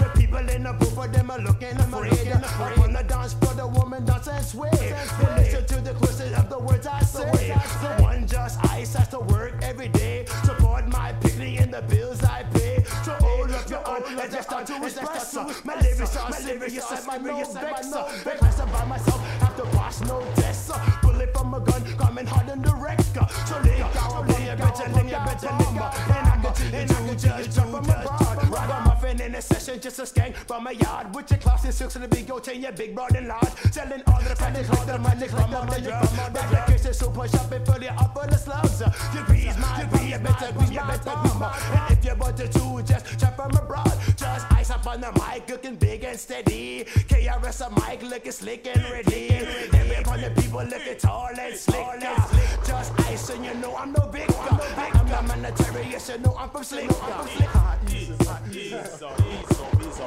up, ease up, ease up. Just ice, you know you're large boy. You definitely rule a dance off style. Scene on scene on Keras one is here without a doubt. And listen, we want to get one thing straight. One thing straight. Just ice is one group, and KRS one is another. So anyone y'all think we're down on the same label, you got to come correct. Come correct. And circle, circle, circle. Just Ice og KRS-One her med Mosh, Mosh It Up. Ja. New Yorkers amerikansk. Ja. Fedt nummer. Tak. Eller tak, siger jeg, som man har lavet det. øhm, nu synes jeg, vi skal... Vi, vi, har, vi har nævnt uh, Robert Up Sundays nogle gange her. Og jeg kunne godt tænke mig at høre, øh, hvornår startede det egentlig, og hvem var det, der startede det? Ja. Jeg er jo, altså, jeg er jo, som sagt, der jo- findes ikke årstal i mit hoved. Altså, det, det er jeg ikke så god til, men det kan man sikkert finde ud af. Men jeg har studie på Njalsgade med Philip Nikolik. Øh, han bor ikke i Danmark mere, men han, øh, han arbejder på Stengade og kender den daværende booker Timme, som har mødt Malaki. Og, og Timme han siger til øh, Philip, om Malaki vil ikke lave en søndags dubklub, hvor man kan høre dubmusik og sidde og øh, slappe af. Og de siger, jo fedt. Og det er noget med at Sådan noget hive- lounge-agtigt nærmest. Ja. Sådan bare sådan noget chill, og så dop og sådan Ja, noget. ja, så de hiver sådan nogle, øh, de har sådan nogle gamle øh, genbrugs, de har købt sådan nogle second-hand genbrugsmøbler, sofaer og lænestol og tæpper. Så bliver sat tæpper ud i hele Stengade og sofaer. Og øh, meningen er så, at man skal komme der med sine tømmermænd og bare sidde og høre noget fed musik og chill. Og inden længe bliver Dwayne koblet på, som også er med. Øh, og der sker ikke det store, fordi sådan, man kan jo godt se i bagspejlet, hvis man har tømmermænd, så gider man jo ikke tage ned på en eller anden klub og sidde og pleje dem, så er man jo hjemme med sin øh, øh, grillmad og sin cola, ikke? Så der er ikke sådan super meget gang i den, og det er meget stenet. Og så nogle, altså på et tidspunkt, øhm, så er der nogle af os, der sådan begynder at kede os og drikker stive, du ved. Og så begynder der så en eller anden, øh, jeg, altså, nu er det som om det er en, der gør det, men sådan, så, så, så, sådan Men, men du er med allerede ind over der i starten, der hvor du... Jamen, jeg er jo ikke med i... Øh, drop jeg, der. ja, og- ja, jeg er ikke med i selve Rubber Dub, men jeg er ligesom en, en fast gæst. Jeg kommer ja, og spiller ja. to gange om måneden, eller sådan, ja, for jeg er jo ja. Philips bedste ven, og ja, jeg kender ja. Dwayne rigtig ja. meget. Og så begynder vi nogle gange havde bare sige, fuck det, lad os da holde en lille søndagsfest her. Og så begynder vi at spille noget ragga og noget dancehall, og vi er fulde, der er alligevel ikke nogen mennesker, der står og råber lidt ind i marken, og det er skideskægt. Og så begynder der lige pludselig sådan, åh, oh, der er lidt fest der, og så kommer folk tilbage, fordi de der stakler, der inklusiv mig selv, der ikke kan få nok, af, altså weekenden slutter aldrig. Og hvis man lige kan få en dag til, ikke? så der begynder at være sådan en, hey, det er sgu da fedt, når vi spiller op til dans, du ved, i stedet for at spille dub, så spiller vi roots, og vi spiller øh, Dancehall, og sådan noget, ikke? Ja. Og lige pludselig, så begynder det altså, og så de der til sidst, de der gider ikke bære de der møbler ud, altså de der tæpper og sådan noget, det er lige meget. Så der finder vi bare ud af, okay, nu, nu er det jo ikke en dubklub mere, nu er det en reggae dancehall klub, ikke? Og så bliver det jo, altså, så begynder det bare at rygtes i, i de der københavnske bygængere, at der er altså et sted, man kan tage hen øh, og danse og have grineren og drikke sig fuld en søndag. Og så bliver det altså bare mere og mere populært. Og vi øver os jo, altså ligesom jeg siger før, vi er ligesom de forskellige sounds. Øh, vi, vi jo opdrager hinanden, ikke? fordi så ser man, at der er nogen, der laver. Så en dag, så sætter jeg nogle stjernekaster med, så har jeg nogle stjernekaster med, og, sådan, noget. så står People's Choice tre uger efter med stjernekaster, og nogen laver den, den fede pull-up, eller et eller andet, whatever. Der er alle mulige uddannelse, der sker der. Og, øhm, og så begynder vi, så kommer jeg så med en dag, så inviterer Dwayne mig, og der er Aaron kommet med os, og mig og Blæs kommer så også med i Robert Up Crew. Og, øh, og så ligesom at, øh, at så kom, og så begynder vi ligesom, eller Malaki, det er ligesom stadig ham, der styrer det mest. Han, han ligesom investerer, videre investerer de der penge, han tjener på Robert Up i at få de her øh, månedlige koncerter. Ja, hvornår starter det? Øh, kan du huske det starter, den første er øh, Chucky Star, tror jeg. Vi skal spille med Chucky Star. Det er noget af det første, jeg husker. Øhm, øh, og, og det ligesom er sådan, og der er jo, det er jo ret godt tænkt, fordi en klub, hvor det bare sker det samme hver søndag, den jo hurtigt kedelig. Så der kommer de her, altså ligesom man husker tilbage, det, altså jeg har jo også tit tænkt, når jeg tog til vejen og spillede med farfar, ikke? og det kostede en formue, så tænker jeg, hvordan fanden kan de få det til at løbe rundt? At give mig så mange penge for sådan en lille spillested. Men det er jo der, man har nogle milepæle. Ikke? Åh, kan du huske den aften, hvor det var, det var der, Chucky Star var der, eller det var der. Og så, så det er jo derfor, så kan man ved, vedholde klubben. Den kørte jo også i et, et eller andet 10 eller 12 eller et eller andet helt sindssygt år. Ikke? Det var Danmarks øh, længst varende søndagsklub eller et eller andet. Ikke? Så der begyndte at komme alle de der fede navne at spille og alle de der Kodak moments, hvor man har stået derinde og set et eller andet fedt på den der lille bitte scene der, ikke? Og Natasha og øh, vi havde, ja, Half Pint, kan jeg huske, det var sådan en super legendary en, hvor at, øh, der var så varmt. Altså i starten, så sad faktisk folk jo op på scenen og, og, og røg fede og drak bajer, ikke? Alle øh, vennerne. Så var det ligesom bare kigger ned på publikum, ikke? Men den der halfpint kan jeg huske, fordi der var så varmt. Der var så sindssygt varmt. Og en, som virkelig skal nævnes, som kunne finde ud af at lave den der tykke basslyd, det er Lydbjørnen som er Bjørn Winem, som er øh, virkelig fed øh, engineer, som fandt ud af, hvordan man får det der anlæg til at performe. Men en, den dag er, sidder vi og venter nede i backstage-rummet på Robert Up med Half Pint, og han kommer lige pludselig ned og siger, prøv at høre, øh, forstærkerne er gået. Altså, der er for varmt. Det var en eller anden sommerdag, og der var fuldstændig varmt. Ikke? Og så, øh, så sidder Halfpine og venter, og vi venter, og vi venter, og der går to timer tror jeg, klokken er tre om natten eller sådan noget. Ikke? Og så rejser han sig op og siger han til promoteren, prøv at høre, vi går nu. Det her, det er for whack, altså. Vi kan ikke sidde her. Og så siger promoteren, jamen det er fint, vi har også fået alle pengene. Fordi normalt så får du halvdelen af pengene før show, og spiller, og så får du resten. Så siger han, har vi fået alle pengene? Ja. Så, så kan vi ikke gå. Så sætter han sig ned igen, fordi han så synes han, det er røveri, du ved. Så half pint? Ja, øh, han sætter sig ned da... igen, fordi han siger, vi kan ikke bare tage alle de her øh, menneskers penge, og så bare skride. Og det sgu da fedt. Altså, det var totalt fedt. Ærligt og, så ærligt, ja, altså. Ja, ja. Og havde han fået halvdelen, så var han gået. For så havde han tænkt, så har de jo stadig halvdelen. Ikke? Så han sætter sig ned, og heldigvis så kommer Bjørn ned helt gennemsvedt, og har lavet en eller anden MacGyver-løsning. Jeg har fået det til at virke med et eller andet mærkeligt ventilation og alt muligt, og så går vi op og spiller, som jeg husker den fedeste koncert, og det er selvfølgelig det eneste, der ikke er video eller båndoptagelse eller noget som helst der, ikke?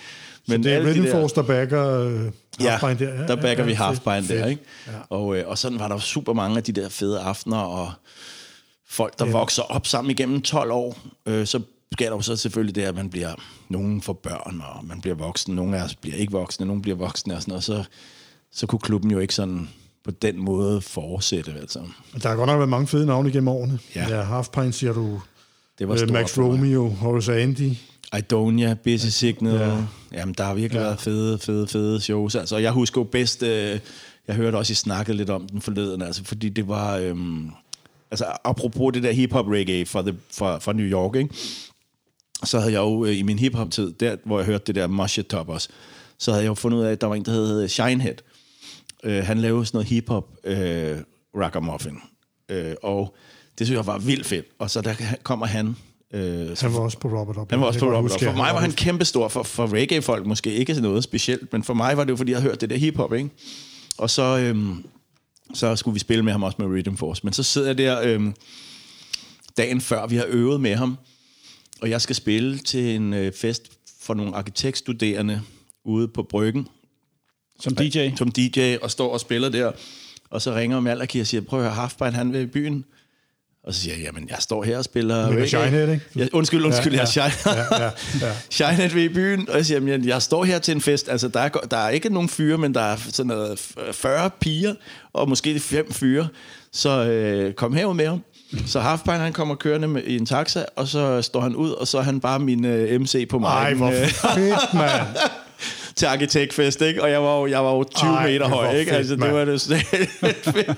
ja. Og han synes også, det var fedt, for de Ja. smukke danske piger og sådan noget, ikke? fedt. Så det var fantastisk, ja, ja, altså, ja. Det lyder som en super fed oplevelse. Det var det. Ja. Og så med et, øh, altså et godt venskab med Eko Meinert, mm. som vi også besøgte i Jamaica, og jeg har været ude at rejse. Jeg har været i New Zealand med ham, og altså han, han er en af dem, der ligesom er stok, øh, og, og, og han spiller også en fed koncert der, ikke? Ja, ja. Og, øh, så, så det var, det var meget, meget... Øh, sådan, Men Rhythm Force, det, det blev lidt Robert Ups øh, øh, husband, ikke? Jo, det gjorde det, ja. Ja. Og vi var jo, det var også, fordi jeg var med, og jeg var bedste ven med Malaki, og jeg var ligesom, så markerede vi på den måde, ikke? Um, så vi har spillet jo med rigtig mange, der er også en fed uh, Johnny Clark session, og Helt klart, det kan jeg godt huske. alt Ja. muligt fedt, altså. Men det har ligesom været så skældsættende og så opdragende, når man husker tilbage, også når vi bliver gamle og sådan noget, kan vi sidde og tænke øh, på de der, altså en rigtig mange mennesker i København kan sidde og tænke, åh, det var sgu skægt dengang uh, på Robert Up, hvor det var farter for fest. Men hvorfor stoppede Robert Up egentlig? Fordi øh, det var ikke, fordi den ikke var populær. Altså, Malaki havde jo, så vidt jeg ved, eller det er ikke så vidt jeg ved, det havde han. Han havde, han havde slidt på sig selv, fordi det var, det var jo ikke bare lige. Når man har bare en klub og bare skal åbne, så er det fint, men han havde jo ambitioner, og han skulle jo være der hver søndag, og så fik han også nogle børn, og jeg tror bare, det var for, det var for hårdt, altså øh, i forhold til, at der var måske ikke, altså pengene blev investeret i koncerter hele tiden, ikke? Så på et tidspunkt, så tror jeg, han tænkte, nu det gider jeg sgu ikke at bruge mit liv på. Jeg vil være familiefar, ikke? Og så øh, blev den overtaget af Ida, og Ida var også rigtig god og sådan noget, men måske ikke det samme reggae-hjerte, som Malaki. Øhm, det skal, altså, undskyld lige dig, hvis du, det ved jeg godt, du har, men, men øhm, det er i hvert fald fra mit synspunkt, at der var ikke den samme, og det var selvfølgelig også tiderne skiftede også lidt, og der var bare sådan lidt... Den havde også varet lang tid, den klub der, ikke? Så til sidst var der bare ikke super mange mennesker. Øhm, og det var ikke helt det samme. Og så kan jeg bare huske den sidste Robert, og hold kæft, hvor var det fedt, mand. Stuende fuld, og jeg spillede en eller anden primetime, og holdt mine taler og sådan noget. Det var også der, hvor jeg stod og, jeg stod og råbte skræn i mikrofonen, når jeg var i godt humør, ikke? Fordi før det, der var også en anden sjov historie. Før, altså aller før Robert Up, der mig og Malaki, vi, øh, vi tog nogle gange ud og spillede sammen øh, med Aaron også. Og der var der en dag på, øh, på Vega, øverst oppe. Jeg kan ikke huske, hvad fanden det hed deroppe. øh, det var også lige med loungen eller sådan noget. Men der var sådan en stor sal ovenpå. Og så øh, var jeg fuld en dag og, og begyndte, og så tog jeg mic'en og begyndte at stå og lave lort på dansk. Altså stå og, øh, og prøvede at være lidt jamaikaner, samtidig pisse fuld, ikke? Og folk, som jeg husker det, synes det var mega skægt. Øh, jeg havde vist gjort, nej, det kan godt være, jeg gjorde det på Rust første gang til en, en klub øh, med Allergi Holt. Og så havde vi sagt, det der, det er fedt. Der skal snakkes den der mic der, mand. Fordi på det tidspunkt, der var mic'en, det var kun for jyske provins-DJ's. Det havde sådan en klang i København af det mest røvballede, du kunne gøre. Sådan, og så næste plade er... Mm. Og sådan noget, det der eko, eko, eko. øhm, så der var en fyr, og, og Natasha var på, du ved, hun kom op og, spar, og, spil, og, og toastede over nogle rhythms, og jeg har sikkert også lagt lidt, og det var, jeg, jeg var helt op at køre, og så kommer bartenderen og siger han, du må ikke snakke i mikrofonen mere. Og så sådan, hvad? Så siger han, "Ah, men det går ikke, det er for plat. Altså, Vega er for classy til, at der kan stå en eller anden idiot og over ind i mic'en. Og jeg var sådan, "Ah, what? Og så var jeg fuld, og så blev jeg ved med at gøre det, og så kom vagterne og smed mig ud. Øhm, så da vi så fik vores eget sted med, med Malaki og det der, så kunne vi jo bare... Så det Ja, var også ligesom der, hvor vi øvede os i at stå og... Ja. Alt muligt. Men i hvert fald den sidste Robert Up, den, den husker jeg virkelig som en fantastisk aften. Altså, og de der aftener, der var nogle gange, hvor der var kø hele vejen ned ad gaden ned til... Ja, det kan jeg godt huske. Altså helt vildt, ikke? Og, så, helt vildt. og så var jeg jo lidt sådan, så var man lidt royalty, så kom man ind og gik lige ind foran, ind, kom ud af en taxa der, og så lige ind foran og op og spille og sådan noget, ikke? Det var fantastisk, det savner jeg helt vildt, det der. Altså, wow. Det er jo ikke sjovt, synes jeg, når der ikke er, mange, når der ikke er mennesker. Altså, for mig er det ikke lige så sjovt at stå og spille det øh, ude i mit studie eller et eller andet. Altså, der skal være den der følelse af, øh, jeg hørte også den sidste af med ham der, øh, Morten McCoy, hvor det sådan bobler. Ja, hele dansegulvet ja, ja, ja. der, ikke? Det, det er fantastisk, altså. ja. Så øh, ja, det var fede tider, det var det altså. Og det gør det jo ikke nemmere lige nu, i de her tider med, med corona, at der ikke er sådan et sted. Men, men, øh, men mangler København ikke et, øh, et, et reggae-sted, som vi jo egentlig har haft helt tilbage fra Super Mike og Babu. Øh, han har været forskellige steder, øh, efterfulgt af Robert Up. Nu er der ikke rigtig noget. Nej, og det kunne der godt være, tror jeg. Det, øh, det har jeg på fornemmelsen, man kunne få kørt det op igen. Mm. Hvis man med lidt ydmyghed og lidt øh, festglæde og lidt... Øh, altså, det er jo noget med ligesom at blive præsident. Altså, det var det, Dwayne han gjorde. Altså, du trykker en hånd ad gangen, og så rejser du rundt i hele USA og trykker folk sådan. Ikke? Du skal en ind ad gangen for at se det. Og det, kan, og det er en kamp for hver en. Altså, det er ikke bare noget med at lige lave en flyer, og så lige... Der, der skal kæmpes lidt. Fordi så kommer folk tilbage. Det er jo der, hvis folk kommer en gang, og der er fest, og der er fedt, så, så næste søndag, altså hvis man er ung og ikke har noget mandag så man siger, skal vi ikke lige tage det an igen? Ikke? Men mm. omvendt, hvis du kommer derind, og der kun er 10 mennesker, så sidder du ikke og tænker næste søndag. Mm. Så jo, vi mangler virkelig et, øh, et fedt sted. Og du mm. mener godt, det vil kunne, øh, det vil kunne overleve Ja. og få et liv? Ja, Men er der ikke det der bolsjefabrikken, som vi også har nævnt nogle gange i tidligere podcast? Jo, jeg det har er der. selv været der godt nok, Jo. men, Men det er jo også meget, Der er, jo- der er jo øh, gang i noget der, ikke? Så Jo, men det er jo også meget øh, fokuseret på, på en genre, på steppers og på dub, ikke? Jo, ja, det, Så det er jo meget sådan målrettet, det, det, det publikum, som, ja, som ja, kan det. ja. Apropos, øh, hvorfor det, øh, altså hvis du spørger mig, også på et tidspunkt begyndte at dale lidt. Det var jo fordi, at øh, i de gode øh, mange år, der var der en formula for en Robert of Aften. Og den hed som regel, Aaron spiller først. Øh, så kommer Malaki og spiller øh, forskellige... Han spillede meget nogle hits, han dyrkede frem. Så der var nogle numre, som folk begyndte at genkende, fordi Malaki spillede meget det samme. Så man kan sige Robert of musik. Og så kom så aftens gæst. Og det kunne være Firehouse, der spillede digital øh, dancehall. Eller det kunne være mig, der spillede hård dancehall, øh, ny dancehall. Det kunne være alt muligt. Og så til sidst, som regel, eller tit, så kom Malaki på fra 3 til 5, eller fra 4 til 5, og spillede Robert Up musik igen. Så der var lige de der genkendelsesting, og så kom der så nogle flavors ind for sig, selvom, fordi dem, der kunne lide, som jeg vil tro, altså hvis du kunne lide farfars DJ-sæt, hvis det var din stil med det der dancehall noget der, så ville du måske synes, det var lidt kedeligt med Firehouses digitale stil. Og omvendt, hvis, hvis du var til digital, og så kommer der farfar.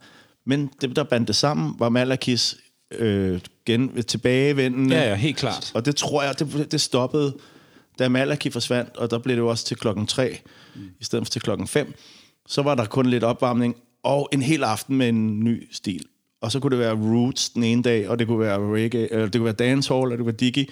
Så du vidste ikke, hvad du kom til. Mm. Og det tror jeg nogle gange, at hvis du så kommer og tror, at sidste gang var det for sindssygt, der var sådan og sådan, og så kommer du, og så er der et eller andet øh, langsom roots, eller steppers, eller sådan noget, så er du sådan lidt, åh, det var jo ikke det, jeg kom for. Nej. Så der tror jeg, at den der genkendelighed, den forsvandt lidt. Og det betød så, at folk måske ikke på den måde, sådan, så bliver de skuffet nogle gange, ja. Ja. Nu vil jeg lige rejse mig og tage en kop kaffe og overlade mikrofonen til jer to, og så kaster jeg lige et Q-ord ind, og så kan I ellers tage den herfra. Øhm, og Q'et, det er patois på dansk. Okay, Ja, Værsgo, dreng. ikke på dansk, vel? Altså af dansker. Patois er dansker, det helt tager klart. vi. Okay. Jamen, det var ja. mig, der var lidt hård i den ene udsendelse, hvor jeg siger, at jeg ikke brød mig så meget om det. Jamen, det er der mange, der har sagt. Altså, det, det gjorde øh, Firehouse også, og nogle andre og sådan noget. Øh, ja. De, de, er også, ja, de bryder sig heller ikke om det, vel? Nej, Eller hvad? af respekt, det er der mange, der ikke gør. Og jeg kan sagtens føle det, hvis man lukker øjnene og ser en eller anden øh, øh, kliché hvid mand med dreadlocks, øh, eller så var nogen, der nævnte en eller anden tysker, der står og snakker patois og sådan noget. Ikke? Og det kan jeg jo godt forstå, men jeg har jo bare en anden take på det, hvor det er jo ligesom alle andre. Øh, jeg kan godt være, at det ikke er et sprog, men det er en måde at tale på. Og hvis man skal blive god til det, så må man jo kaste sig ud i det. Ja, det er rigtigt nok. Jeg har, jo, jeg har også givet et andet eksempel på øh, i en af vores tidligere podcast med, jeg ved ikke, du kender ham, der hedder DJ Derek, en englænder, Nej. som jeg tror desværre han er død nu, men han, indtil han, han var aktiv DJ, reggae-DJ, indtil han var 5-76 år. Og han øh, talte flydende patois, hvid englænder, og han lærte det ved at øh, sætte sig ned i, blandt amerikanerne i Brixton i, i London der, i øh, The Barber Shop, når de skulle ned og klippes og barberes. Og så fik han bare at vide af dem, sæt dig ned og lyt, når vi taler. Og så lærte han simpelthen at tale patois på den måde. Ja. Så, øh, så han var flydende, og han, det var skide. Der har været nogle klip på YouTube, hvor han møder de der jamaikanere, hvor Og så kører hvor den bare. kører med, med, og der er jo også nogen, der har et bedre sprogøre end andre, Ja, du ja, ved. Der er ja. nogen, der kan samle den op hurtigt. Øh, og så er der nogen, hvor at man vil altid kunne høre deres rødder, og det synes jeg bare ikke egentlig gør super meget, fordi for mig er det rigtig meget ligesom, at man, at man giver noget til festen. Altså man, ligesom når der er nogen, der snakker dårligt dansk, så bliver man jo også glad for, at de gider. Altså, Ja, altså man, ja. jeg skal jo ikke, man skal jo ikke gå og sige, at du skal bare lade være. Snakke engelsk, fordi det lyder af helvede til det, du laver der. Ikke? Ja, ja. Øh, og sådan har jeg det, og det er jo, det er jo i hvert fald været min, øh, min indtryk, at det er jo meget... Øh, og, uden, og nu kan det være, at jeg kommer til at lyde sådan lidt, øh, lidt heldig eller et eller andet, men det er jo ligesom meget det, som for mig essensen af Jamaica er, du kommer med det, du kommer med, og folk sætter pris på det. Og vi, vi, vi slår ikke op i en skolebog. Altså, Nej. nogen snakker på Har- den ene måde, og nogen snakker på den anden måde. Og, øh, og nogen er, er selvfølgelig født på Jamaica og snakker sådan, og så er der andre, der gør deres bedste, du ved. Øhm, og det synes jeg ligesom, er, det der med at tænke for meget, det, for mig, øh, det er ikke så reggae-agtigt. Er de meget, har du oplevet det, når du været på Jamaica? Øh, Jeg ved ikke, du har prøvet at toaste på patois på Jamaica.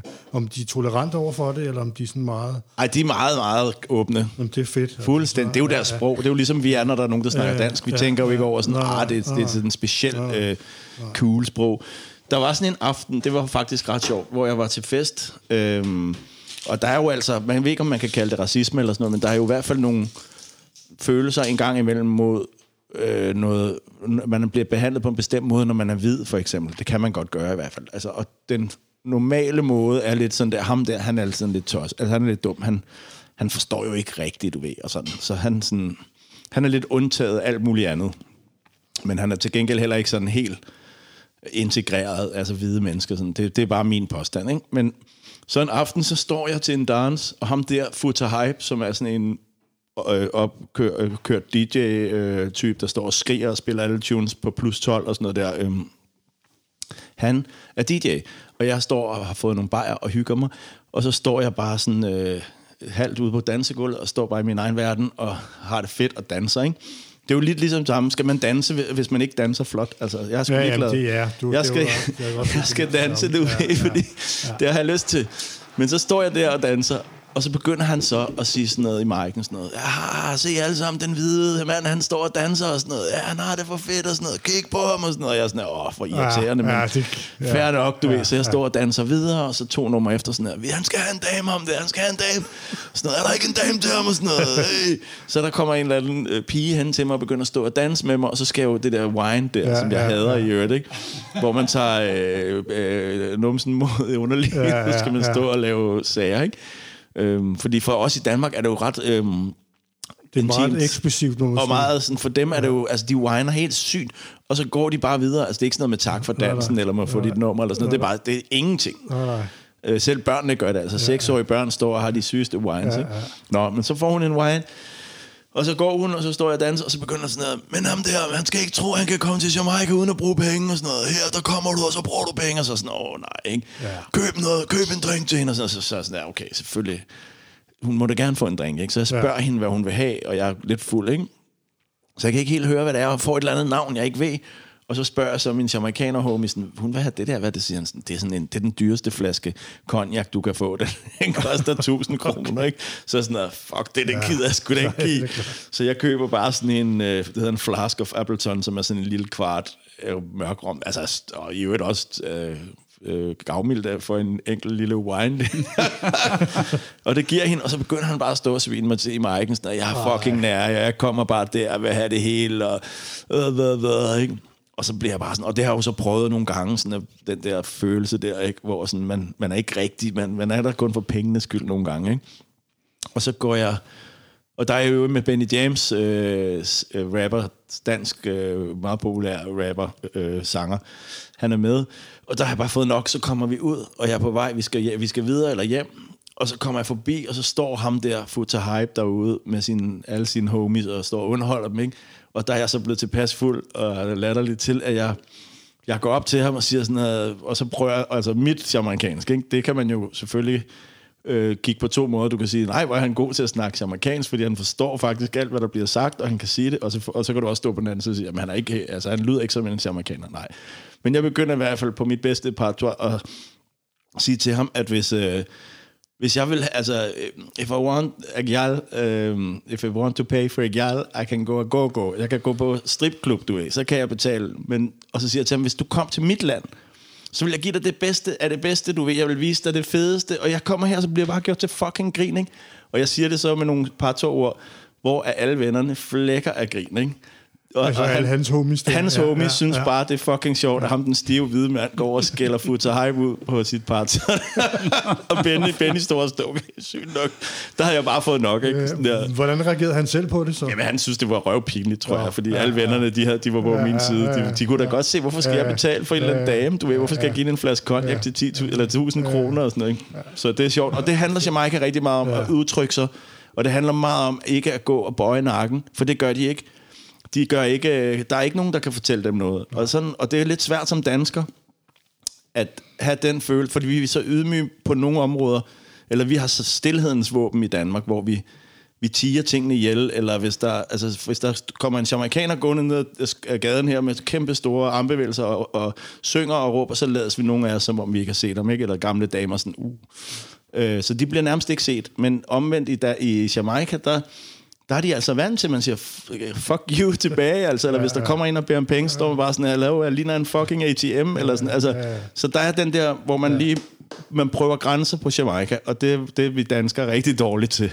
Så, øhm, og det er selvfølgelig også meget, meget fin balance, hvor, hvor meget man kan gøre det, ikke? Fordi man skal selvfølgelig ikke gøre ligesom dem, der bare sådan, "Åh, suck your mother, vel? Altså, du, Nej, nej, det er du- klart, man så lige lige- står du og siger et eller andet om den forkerte mands mother, ikke? Altså ja. sådan, ah. Så ja, men, men i hvert fald, man skal ikke være alt for ydmyg og alt for... Øh, øh, hvad, hvad sådan, altså, det, det står ikke i bøgerne, alt det der. Det, Nej, det, jeg kan godt høre, at jeg har været lidt for kategorisk. der var nok lidt for meget jantelov ind over det, det, det, jeg sagde det der. Men er der ikke også en forskel på at, øh, at, øh, at prøve at kaste sig ud i, øh, i patois i sproget, og så det at bare bruge nogle fraser, som er rigtige, hvis man bruger dem rigtigt? Altså, som du måske gjorde den der samtale, altså, at man godt kan høre, okay, du, er, du ved godt, hvad det, hvad det drejer sig om, men altså, at udtalen er måske ikke sådan helt flydende. Ligesom øh, YT, for eksempel, ham den engelske, øh, som jo lyder helt fuldstændig flawless, når han, når han snakker patois. Jeg mener bare, er der ikke en forskel mellem at prøve at, at, at tale sproget, og, og bruge nogle enkelte fraser og nogle enkelte ord? Jo, selvfølgelig er der det. Og, og de gør jo også det. Altså, de, nogle gange så sidder du og chiller nede i gatoen et eller andet uh, Waterhouse med de sygeste thugs, der bare sidder og det, du skal virkelig sådan lige for at forstå de nye slang, og så ringer telefonen, og så slår de bare over i perfekt engelsk. For det de kan de alle sammen stort set. For dem er det jo Jamen, det er jo ikke et valg, selvfølgelig, for sådan snakker man der, men de kan jo også snakke Kings English, men, men, men jo, der er der forskel, altså, øh, men det handler om, for mig handler det om at leve mig ind i det.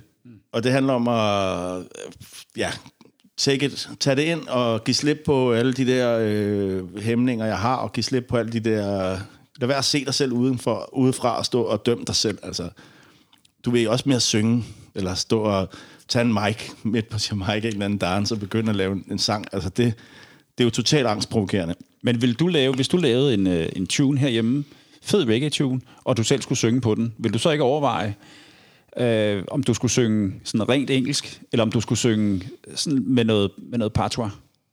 Øh, nej, det, altså, jeg, jeg har lavet fem tunes. Det der projekt, jeg forklarede om før, der synger jeg faktisk patois, ikke? Og nogle gange har jeg sådan, så, så, så sådan, ah, skulle, jeg, skulle jeg brugt det ord, fordi der kunne jeg også godt have sagt to you i stedet for, eller to me, eller fi me, eller sådan noget, hvor jeg tænker over det, men man skal ikke tænke, det tror jeg ikke. Altså, og så, så må der være nogen, der synes, så er der en helt snak, der hedder sådan noget cultural appropriation, og hvem har lov, og, og der må jeg altså bare sige, den kan I tage, mens jeg laver musik. Mm. Fordi at det, for mig er det, og det er det, der er så flot og fedt, af musikkens sprog. Som regel dem, der diskuterer alle de der ting, de laver ikke musik. Musikkens sprog, det flyder. du møder en mand, selvom man ikke kan tale samme sprog, så kan du spille en eller anden trommerytme, eller man kan sætte sig ned, ja. og han kan synge, og du kan spille trommer, eller et eller andet. Det har jeg prøvet tusind gange. Musikere, de har noget, og det synes jeg, vi skal blive ved med at have. Og så må de andre snakke om, vi må gøre det eller ej. Det er okay med mig. Ja. Far, for en af de kunstnere, som du har haft med at gøre, det er Country Ranks. Ja. Øh, og det er også ham, øh, du har valgt, vi skal høre. Øh, Retreat Soundboy. Øh, fedt dancehall-nummer. Hvorfor, øh, hvorfor skal vi høre det nummer?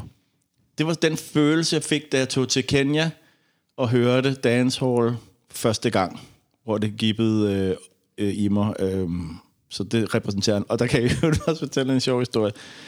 At jeg øh, i Kenya er blevet taget ud i bushen til sådan noget uh, jungle party, hedder det, hvor det er ude, midt ude i en eller anden jungleagtig tilstand, og øh, lysstofrør og sådan noget helt, men totalt fedt, ikke?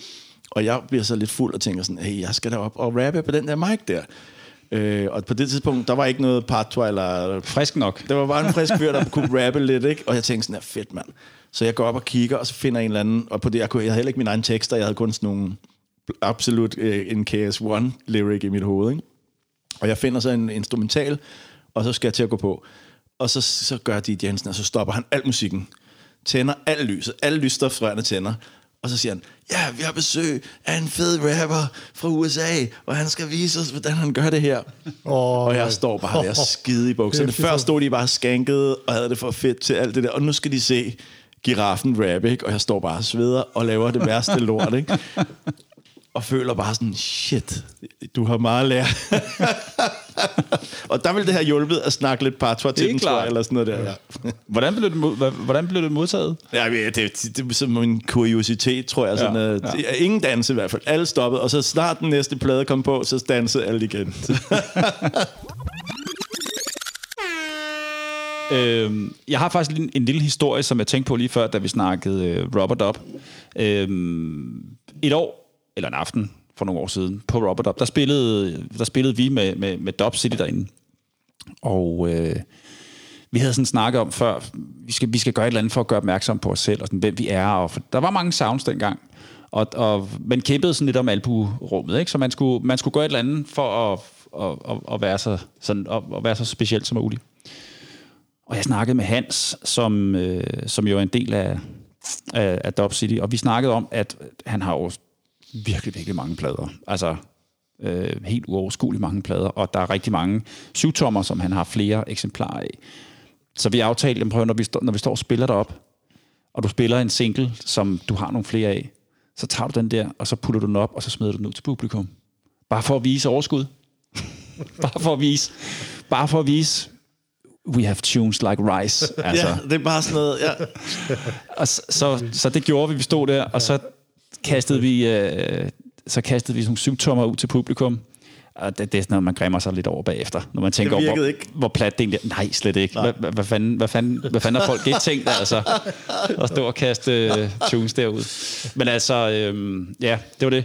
Vi skal høre noget Cutty Ranks. Øh, han er en øh, super, super fed øh, DJ fra Jamaica, vi hører nu. Og det er med det nummer, der hedder Retreat Soundboy. I hear some soundboy. All around the world. Running up them mouth, talking about them is dance sound and champion sound. But all you the bit sound boy stay and pass. Retreat, sound boy surrender, retreat. When me sound it run the hero boy retreat. Sound boy surrender, retreat. When me sound copy take over.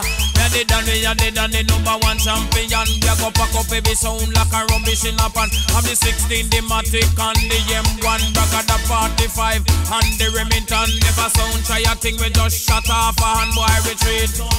Sound boy surrender, retreat. When me sound copy take over, boy retreat. Sound boy surrender, retreat. When me sound it rule the border, cool down. We a go through no down, say cool down. We come have some fun, say cool down. We a go through no down, say cool down. We come have some fun. Say in a me brain, knowledge and wisdom. And me 32 teeth and me have fi me tongue. A go use top plate, we go fling on no down. And I yes cut the ranking, you wanna judge a son. Retreat. Some boy surrender, retreat. For me son, and turn you over, boy, retreat. Sound boy surrender, retreat with me sound, it rule the border. You did and we are dead and the number one champion. You go pack up for your sound like a rubbish in a pan. Do you know that got the rank, I am the champion. When me come a dance all, me a number one. You go ram dance all in a any fashion. To the lyrics of me mouth and the mic in a me hand. You go show you for me loving and me conversation. Anyway me sound play, say the dance up here and boy retreat.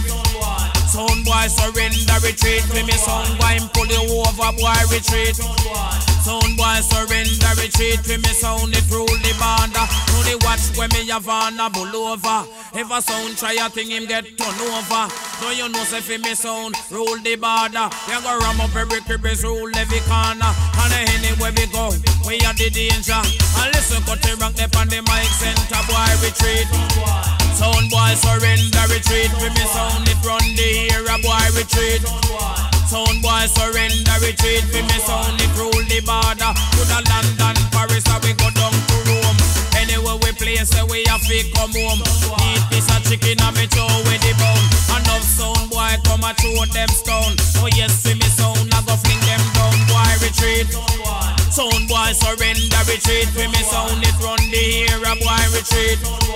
Sound boy surrender, retreat. For me sound come fi take over. Ya the dan we ya the dan the number one champion. Me a go pack up every sound like a rubbish in a pan. Have the 16, the Matic and the M1, bragga the 45 and the Remington. If a sound try a thing, we just shut off and boy retreat. Sound boy surrender, retreat. For me sound wine turn you over, boy retreat. Sound boy surrender, retreat. For me sound it rule the border, say cool down. Make we have some fun, cool down. We going through no down, say cool down. But make we have some fun, cool down. Going through no down. Make you know say cut it wrong. Me a wanna judge a son of me 32 teeth and me have for me tongue.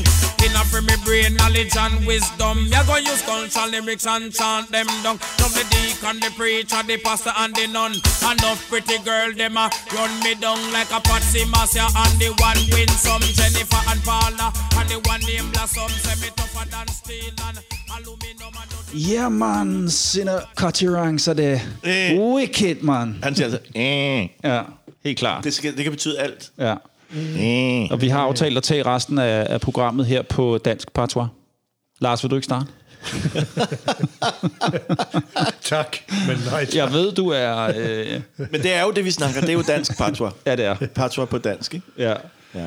Nej, hvad hedder det? Øh, øh, det var Cotty Ranks, vi fik her med et fedt nummer. Og der er noget med, der lige er en historie, vi skal have fortalt om øh, Cotty Ranks her. Nå ja, det var bare med mit øh, fantastiske samarbejde med Kotti. Altså, vi har jo lavet et fedt nummer sammen, synes jeg. Øh, men, men før det skulle jeg lige pludselig være hans DJ på, øh, på Loppen. Mm. Øh, blev hævet ind. Og, øh, og så er der jo bare sådan noget med, altså føler jeg, det kan også godt være, at jeg var en elendig DJ, det skal jeg ikke kunne sige, men, øh, men jeg føler jo godt, at jeg kan, sådan et, et mix for eksempel, hvor du bare siger, buk, buk, på, på, på mixeren og sådan noget, og one drop og sådan noget. Det, er jo ikke, det er handler jo bare mest om at høre efter, det ved du også som trommeslager, når de siger det, så skal du bare lige høre efter, ikke? Men der tror jeg nogle gange, altså det har jeg prøvet flere gange, at når man, når folk har en bestemt forventning til dig, at du måske ikke er god, så ligegyldigt hvor godt du gør det, eller så er du måske bare ikke god. Så han skulle lige pludselig midt i sættet ind og undervise mig i jamen, jeg mixede jo helt forkert og sådan noget. Du kan tro Åh, det- det er træls. Ja, midt på loppen og sådan noget. Kom nu, altså jeg, jeg kan jo godt, men, men det kunne jeg åbenbart ikke, så jeg skulle lige have sådan en lille schooling af ham, sådan, så han skulle lige, og det tog jeg så fint og sådan noget, men der fik jeg så også at vide, at han havde øh, været op og slås med sin DJ nede i Berlin, som er sådan en øh, lidt legendarisk en, der hedder Barney Miller, som er sådan en Berlin reggae farfar, eller hvad man nu kan kalde ham. Det ved jeg faktisk ikke, om han er. Han er sådan en, han har lavet en masse fed reggae, tror jeg.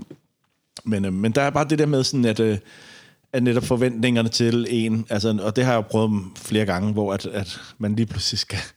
Altså det værste, der overhovedet skete, det var, at vi blev, vi blev eskorteret af scenen på Rocker Park Festival af Lady Saw. Så øh, der blev vi simpelthen fyret midt på scenen. det er totalt uretfærdigt. øh, det vil jeg gerne. Nu har jeg jo åbnet posen, så vil jeg bare lige hurtigt forklare, hvad der skete. Øhm, vi har øvet, og der er et nummer, vi ikke har øvet. Så øh, Lady Saws kæreste, John John, som er øh, Jarmins søn, han siger, kan vi ikke bare tage det på den her instant replay, som er sådan en gammeldags sampler, eller en sampler, hvor du trykker på en knap, og så spiller den hele nummeret, som de brugte fordi datmaskiner hoppede, og CD'er hoppede og sådan. Så du havde sådan en... du trykker på en knap, så spiller den hele backtracket. Mm. Øh, da han så skal op på scenen, så trykker han og spiller backtracket, det er fint, men han går så ikke ned igen. Øhm, jeg har jo ikke, jeg, og jeg har ikke monitor. Altså det vil sige, jeg kan ikke høre, hvad han laver på sin backtracks-maskine. Og jeg har heller ikke øvet med et fuldt backtrack. Altså det der med at spille oven i et helt backtrack. Der ligger bass i forvejen, så skal der være to basser. Altså, men han bliver bare ved med at stå ligegyldigt sådan midt inde i vores nummer, så starter han bare, altså eller lige når vi starter, så starter han bare sådan en gang i rytme eller noget, og vi spiller heller ikke til klik, det vil sige, vi kan ikke, øh, det, det, det er simpelthen en umulig task, han stiller os for. Og øhm, det var simpelthen, og jeg stod og råber til ham, godt, godt, prøv at vise ham sådan der, hallo, det der, det er helt forkert. Og han bliver bare ved, han er ligeglad. Og så ender det så med, at hun siger, at vi skal forlade scenen og spille resten af showet med sin kæreste på sin uh, instant replay. Ikke? Og der står man jo der, og man ligner jo en kæmpe idiot. Ikke? Ja. De hvide drenge kan bare ikke. Vi vidste det. Mm. De kan sgu ikke spille reggae. De White man can dunk. og, ja, og den sidder selvfølgelig ind. Ikke? Og så, men der fik jeg i hvert fald bare lige en lille mixed tutorial af mm. The Cutty Ranks. Som, øh, det var fint nok. Vi, vi var venner også bagefter. Og det er I stadigvæk? Ja, det, nej, det kan jeg ikke sige. Vi, jeg har ikke snakket med ham siden, så øhm, Ah, okay. han er gangster. Han virker lidt som en ro fyr, altså både i både til hans tekster og i hans, øh, Han er Batman. og hans udseende. Ikke? Ja, jeg tror også, han laver andet ja. ja. musik, altså. Det, det, det vil jeg tro. Det gør de fleste jo øvrigt. Altså, det er jo også det, man finder ud af, når man tager til Jamaica. De fleste er mange, rigtig mange af de der er involveret i nogle meget, meget shady ting. Altså, kriminelt miljø og musikmiljø, det, det, de bor sammen. Mm. Altså, jeg, jeg var ved at blive røvet af Sisler, for eksempel, ikke? som man tror har det hele. Men han har åbenbart også et behov for at røve nogle stakkels i ære en gang imellem. Ja. Så, så det er ret hårdt. Ja. Ja. Øhm, vi snakkede øh, tidligere om Rhythm Force, og det har vi faktisk også snakket om i et tidligere program. Kan du ikke prøve at fortælle om din oplevelse med Rhythm Force, hvordan det starter? Øh, er du med fra starten?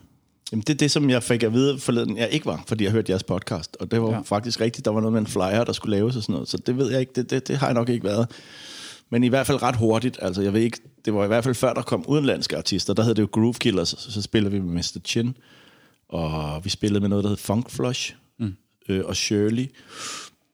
Burhan G var gæst. Det var før Burhan G han blev stor. Så tog vi på sådan en spillestedsturné. Øhm, men der har vi jo så det der, og der kan jeg jo huske lige præcis også den koncert, Tormod snakker om, tror jeg, hvor at der er Red Rat på loppen, og jeg ser de der hvide drenge, og så tænker jeg, hvad fanden? Hvad må de her, kan man det? Det er da fedt. Tænk, hvis vi kunne det. Og så går jeg så op og spørger, og jeg mander mig op og går op og spørger keyboardspilleren, hvordan, øh, og han gider selvfølgelig overhovedet ikke sådan dele noget med mig der, sådan, ja, jeg bare forsvind, ikke? Men der tænker jeg sådan, at det kan være, at vi også skal gøre det en dag. Og så begyndte det så jo med, øh, der var den der Shinehead, ikke? og der var Chucky Star og sådan noget, og så, og så, øh, så var der jo rigtig mange fede andre, der kom senere. Øh, Admiral Bailey spillede vi med, og øh, der var også lige en øh, lille snak om den der Alton Ellis-koncert på Rocker Park og sådan noget. Ikke? Øhm, så det var jo super fedt, og, og altid kæmpe pres. Altså, fordi det var, du har ikke haft tid til at øve, og der, du møder nogen, som har nogle forventninger til dig, og måske har de også nogle af dem nogle forventninger til, at du er dårlig. Mm. Så derfor så skal man arbejde ekstra hårdt for at vise, at man faktisk godt kan. Ikke? Og måske nogle gange kan man ikke engang samarbejde med dem rigtigt. Ikke? Og nogle gange møder man dem først i første nummer på scenen. Ja, lige præcis. Ikke? Altså. Og ikke engang vender de sig ikke engang om og kigger sådan om, hvem har vi her? Vel? De Nej. kører bare løs. Ikke? Ja. Så, øh, så det har været en... Øh, altså den der med, at der bare der er noget på spil, og det er her nu. Man, det er jo ligesom en eller anden sindssyg fodboldkamp eller sådan noget. Der er jo totalt adrenalin, ikke? Man sidder bare åh, det skal gå godt det her, ikke? Fordi man gider ikke det der, som vi oplevede. Man gider simpelthen ikke falde fra hinanden op på scenen, eller man, og, Åh, nej, og i sidste øh, instans blive fyret. så det har været øh, altså virkelig fedt øhm, at lave alle de der ting, og også virkelig presserende, altså sådan øh, rent stressmæssigt var, var det sådan, wow, det var hver gang knald eller fald, ikke? Hvem var med i bandet? Det var øh, Jakob Mortensen, Gorgon, og det var øh, Anders Vestergaard, og det var Tormod og mig. Okay.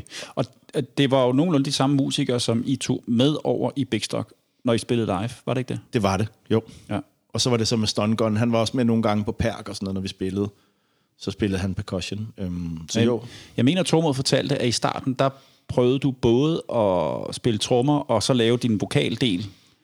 Ja. Øh, ind, indtil du gik over og øh, overlod trommerne til en anden, og så, og så var fuldt på mic'en. Ja, det var sådan noget forfængelighed, altså hvor man... At jeg vil rigtig gerne spille trommer, jeg vil rigtig gerne rappe, og så tænkte jeg, så, så laver jeg begge ting, ikke? Men altså, det er jo også sådan... Det viser jo lidt om, hvor meget jeg gerne ville. For det var jo lidt en, en, en, altså en dårlig idé, kan man sige, fordi jeg skulle løbe rundt. Altså, jeg skulle jo være god til én ting der, ikke? Mm. Så, øh, så ja, det, men det gjorde, det gjorde vi ikke. Altså, så havde vi øh, Christoffer Stongun der, og så havde vi på et tidspunkt dig, og vi havde øh, Leon også på nogle jobs og sådan noget der. Øh, og nu har vi en, der hedder Abbas. Ja, for jeres setup nu er lidt anderledes. I har øh, trommeslager og så DJ. Ja, nu er det noget backtrack. Nu backtrack, okay. Og DJ og trommeslager, ja. Jeg tror, det... Øh... Og, og bass også i øvrigt. Vi, vi har haft bass på også en masse gange her. Okay. På det sidste. Mads Krabbe. Ja. Tandlægen, der spiller reggae. Ja, lige præcis. jeg tror øh, på det tidspunkt, at jeg var så heldig at få lov til at spille de der 3-4 jobs med jer. Det var noget af det mest skræmmende, øh, som jeg har oplevet. Fordi I var, I var så store på det tidspunkt. Altså, og selvom, selvom jeg har prøvet at spille rigtig mange ting, så, så var det her bare... Altså, jeg kan huske, vi spillede ind i Vega, og det var, det var jo fuldstændig madness. Altså, publikum var jo... Det, altså, det havde jeg aldrig oplevet før. Og slet ikke til Vega, altså. Det var jo en, en kæmpe, kæmpe fest. Øhm, jeg kunne egentlig godt tænke mig lige at høre... Øhm, vi snakkede om under, øh, under det her nummer, vi hørte med, med Cutty Ranks. Hvordan producerer man et nummer... Øh, kan, kan du sidde på forhånd, inden du producerer et nummer, og tænke, det her, det skal være målrettet det danske marked, det skal helst spilles på P3, eller det her nummer, det skal rettes hen imod øh, Jamaica for eksempel. Kan, kan du godt sådan sidde og skelne mellem det på forhånd, og så sige, så skal det produceres på to helt forskellige måder? Mm, egentlig ikke, fordi der er rigtig mange, der tror, at når man laver noget til Jamaica, så skal det lyde på en måde, men faktisk så elsker jamaikanerne, når det ikke lyder som det, fordi der er jo rigtig mange dygtige jamaikanere, der kan lave en perfekte one-drop rhythm, og de sindssygste dancehall, men når de så får en eller anden hybrid, så kan de jo skille sig lidt ud der. Så øhm, på den måde er jeg stoppet med at prøve at lyde som de andre. Jeg kan selvfølgelig godt stadig, jeg kan, jeg kan godt sådan, når jeg hører en eller anden fed Chronix eller sådan noget, så kan jeg godt sige sådan, okay, lad os lige prøve at lave sådan noget der. Ikke? Men ellers er det ret fedt. Altså, de mærkeligste ting, altså det er jo ligesom det der, øh, de spiller jo stadigvæk Celine Dion til deres dancehall-fester og sådan noget. Altså, og der bliver jo spillet country, og der bliver jo alt muligt, altså øh, The Supremes og sådan noget. Altså, der er jo ikke, for dem er det jo bare musik. Så for, altså, jeg snakker også med Joachim der, der også var inde i jeres program, hvor han fortæller sådan, nu var de taget på reggae-rejse til Jamaica i Kingston og står på den fedeste øh, dance, og så spiller de Barbie Girl, ikke? altså, fordi for dem er det jo bare musik.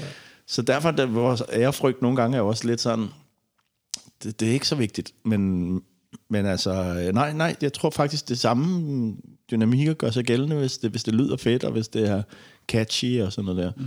Omvendt ja. har jeg jo selvfølgelig prøvet at putte noget Jamaica ind i, i dansk musik, ikke? og nu er det jo sådan der, altså da jeg startede med det der, og da vi startede med at være DJ's, og, og sådan, så var det jo sådan, at hvis du hørte den der dancehall synkoperede rytme, ikke? altså Murder, She Wrote rytmen eller sådan noget, ikke?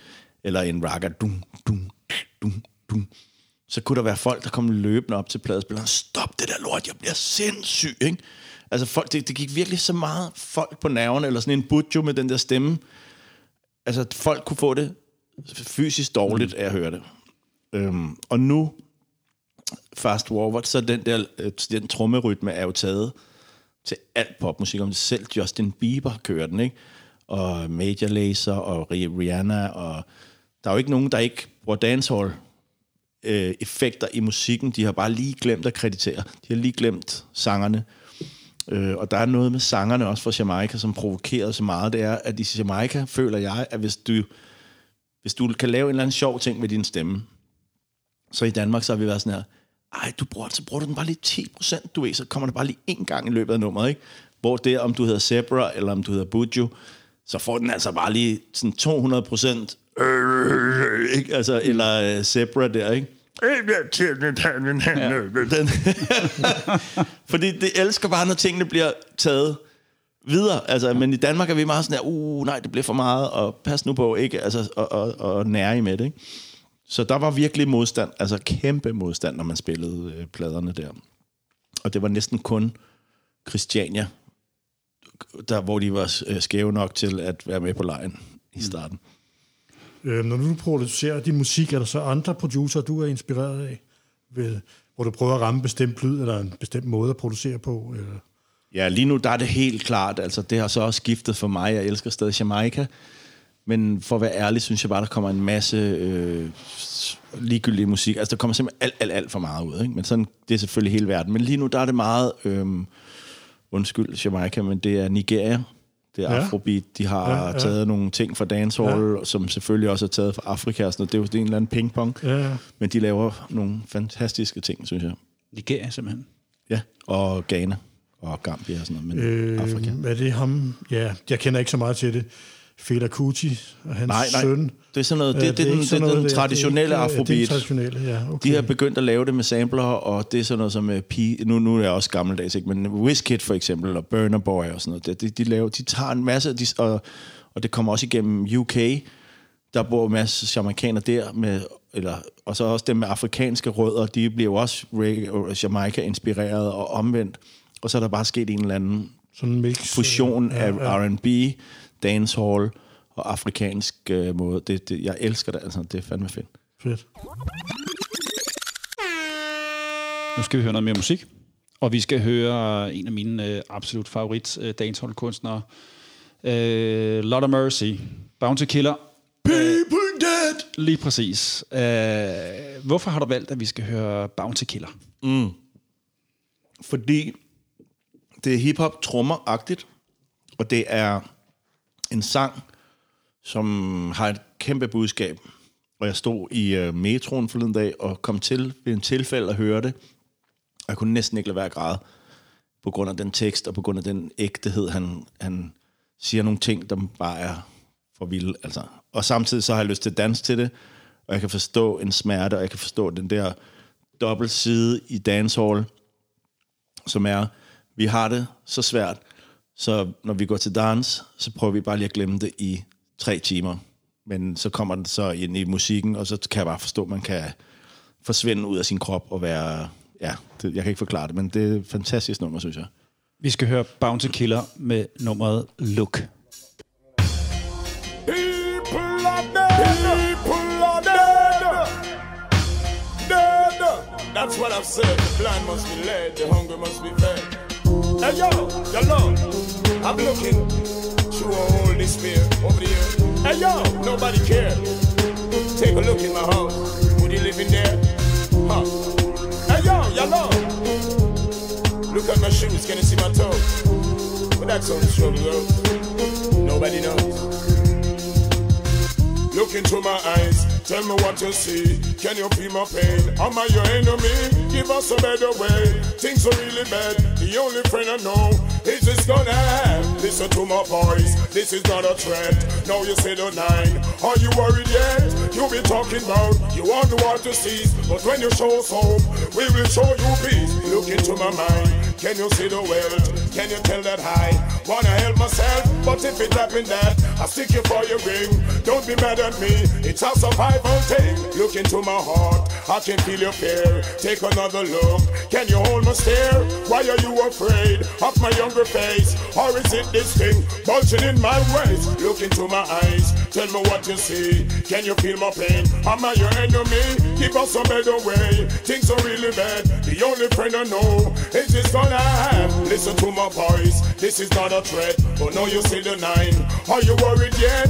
You be talking about you want the world to cease, but when you show hope, then we will show you peace. Look into my life. Can you see my kids? And let me ask you this. You know what hungry is? Well, in this part of town, survival is my will. For you to stay alive, you got to rob and kill. Look into my house. Would you live in there?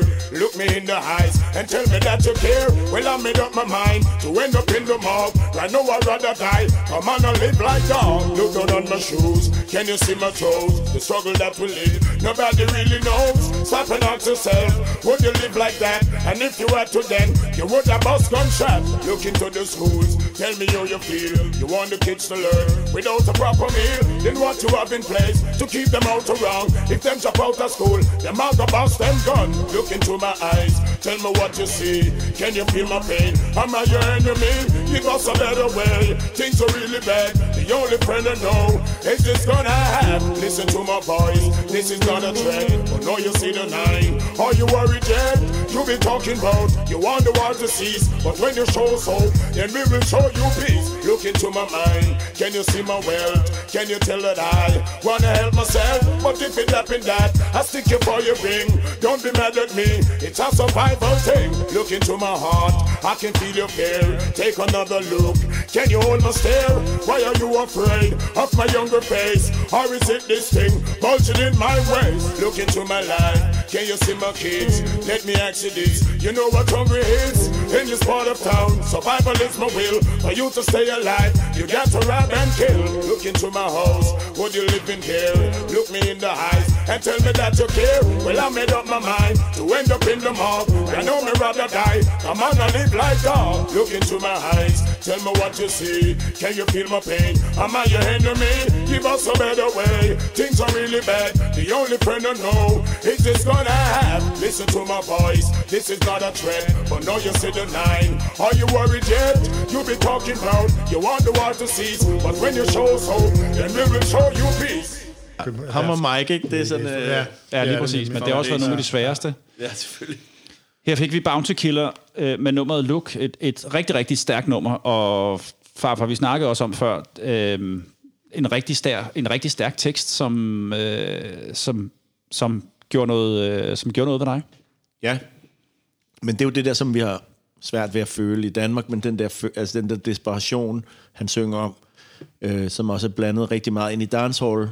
Øh, det er jo en nogle gange et, rå, et råb om hjælp, og det er jo nogle gange en, en forrådelse, hvor man, man siger, jamen, altså han siger jo også bare sådan, altså, jeg skal bare have noget mad til min familie, altså, og jeg bliver nødt til at gøre det på den eneste måde, jeg kan. Altså, det, min familie, det er jo vigtigt, og det forstår jeg godt, samtidig med, at jeg ikke forstår det, så, øhm, så der giver han mig et indblik i den der øh, shutter-mentalitet, der hvor de øh, fjerner alle følelser og står med guns og skyder hinanden i hovedet, ikke? Jeg kunne egentlig godt tænke mig at høre om, øh, kan, man ud, kan, man, kan man definere, hvad dansk reggae er, ud fra, et, øh, produ, øh, ud fra en producers perspektiv? Mm, nej, det synes jeg ikke. Øh, jeg synes, jeg har jo altid synes, at reggae og dancehall, det ligger ikke i beatet. Det ligger i måden. Du kan godt synge dancehall på en country-nummer, du kan også godt synge dancehall på en, øh, på en pop-produktion. Men hvis du laver en dancehall-produktion og synger pop på, så, så er det måske ikke lige så tæt på. Så for mig har det rigtig meget handlet om måden, sangerne gør det på. Og vi har jo haft noget fed roots, altså vi havde også de der Bliv Glad, kan I huske dem? Ja. Øh, de lavede jo fede, fede ting, altså, og så har vi jo haft Big Stock, der var sådan noget dancehall, skør dancehall, og James Brown, der også er sådan noget pop, popmusik, dancehall, og det kan lyde på alle mulige forskellige måder. Men er, men er, er der en rød tråd i det, vi kan kalde for dansk reggae? Ja, på godt og ondt blev det jo ironi og humor. Mm. Og det var jo også det, der tog livet af det, tror jeg, til sidst. Fordi det blev, det blev simpelthen for useriøst. Og jeg skal jo om nogen ikke sidde og, og på nogen måde sige, at der er nogen, der har gjort noget forkert. Fordi jeg har jo, alt mit er jo ironi og, og sjov og humor. Altså, det er, jo, det er jo det. Jeg laver jo ikke sådan... Måske lige den, du nævnte der, koldt derude der, det, den, er, den betyder lidt, ikke? Men ellers er det meste for mig, handler om at få folk til at smile, og være glade, men det blev bare sådan en... Altså, vi manglede flere numre, så nu fremhæver jeg Shaka Loveless Tomgang som et virkelig stærkt nummer med et budskab og en tekst, der rammer. Det, det var for lidt af det, og for meget øh, faxekondi og rulle dig og sådan noget. Det synes jeg, for, fordi så havde alle dem, der ikke kunne lide reggae, de havde en eller anden grund til at sige, men helt ærligt, hver gang jeg åbner min radio, så er det et eller andet fjolleri. Altså, Men det står også i skarp kontrast til ja, det nummer, vi lige har hørt nu, som, hvor teksten jo handler om, om nogle meget vigtige ting. Ja. Øhm, som jo ikke er det der, som du kalder for sjov og ballade, men som er livsnødvendige, øh, livsnødvendige øh, ting, han synger om. Men det fylder jo ikke, øh, ikke engang 50 procent af dancehallen, som jeg ser det.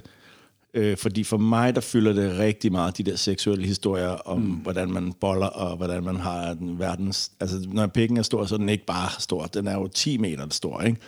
Altså, eller cocky, stiff like a big jumbo jet. Altså, det er en jumbo jet, ikke? Det er klart. Og, og sådan nogle ting der. Så, så det er der, hvor jeg har alle de der... Det, var lige, det, det ramte bare mig sådan noget. Hallo? Seksuel øh, praleri, fuck hvor er det grineren. Altså, det vil jeg være med på. Det fylder rigtig meget. Øh, og jeg tror, at det også er fordi når du har et svært, hårdt liv, så vil du gerne i dans og høre om noget grineren.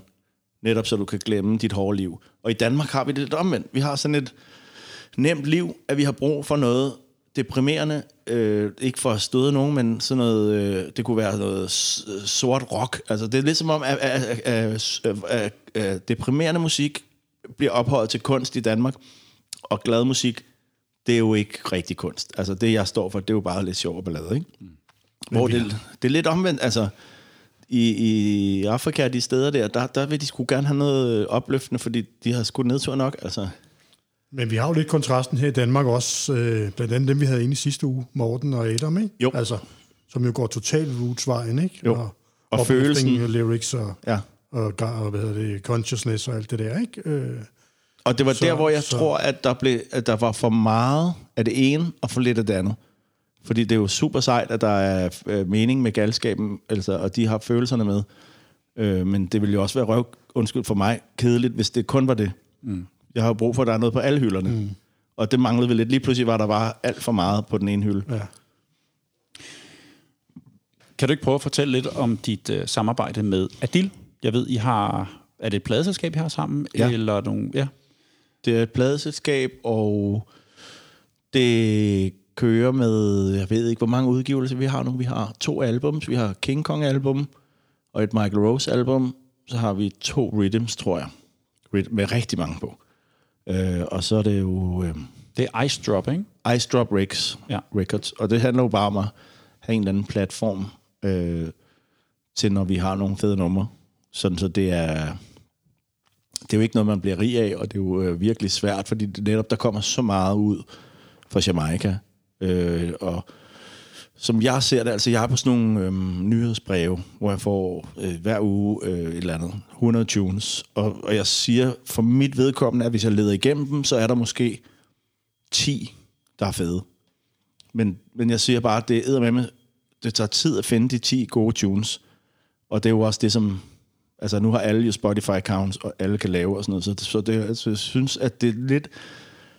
Jeg ved ikke, om kvaliteten er dalet, eller om der bare er mere, der kommer ud, men jeg synes fandme, det er svært at finde øhm, de fede tunes nu.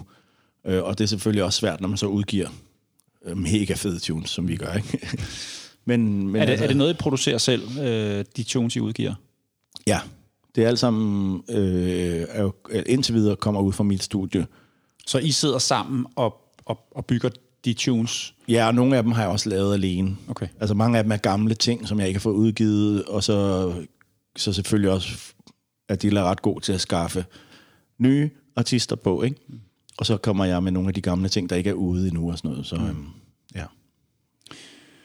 Og så har jeg også udgivet en, øh, som jeg, altså, egentlig jeg vil fremhæve en fed tune med Fresh Eye, en Horace Andy, i en old school rockers øh, ting, øh, som hedder Lick Shot.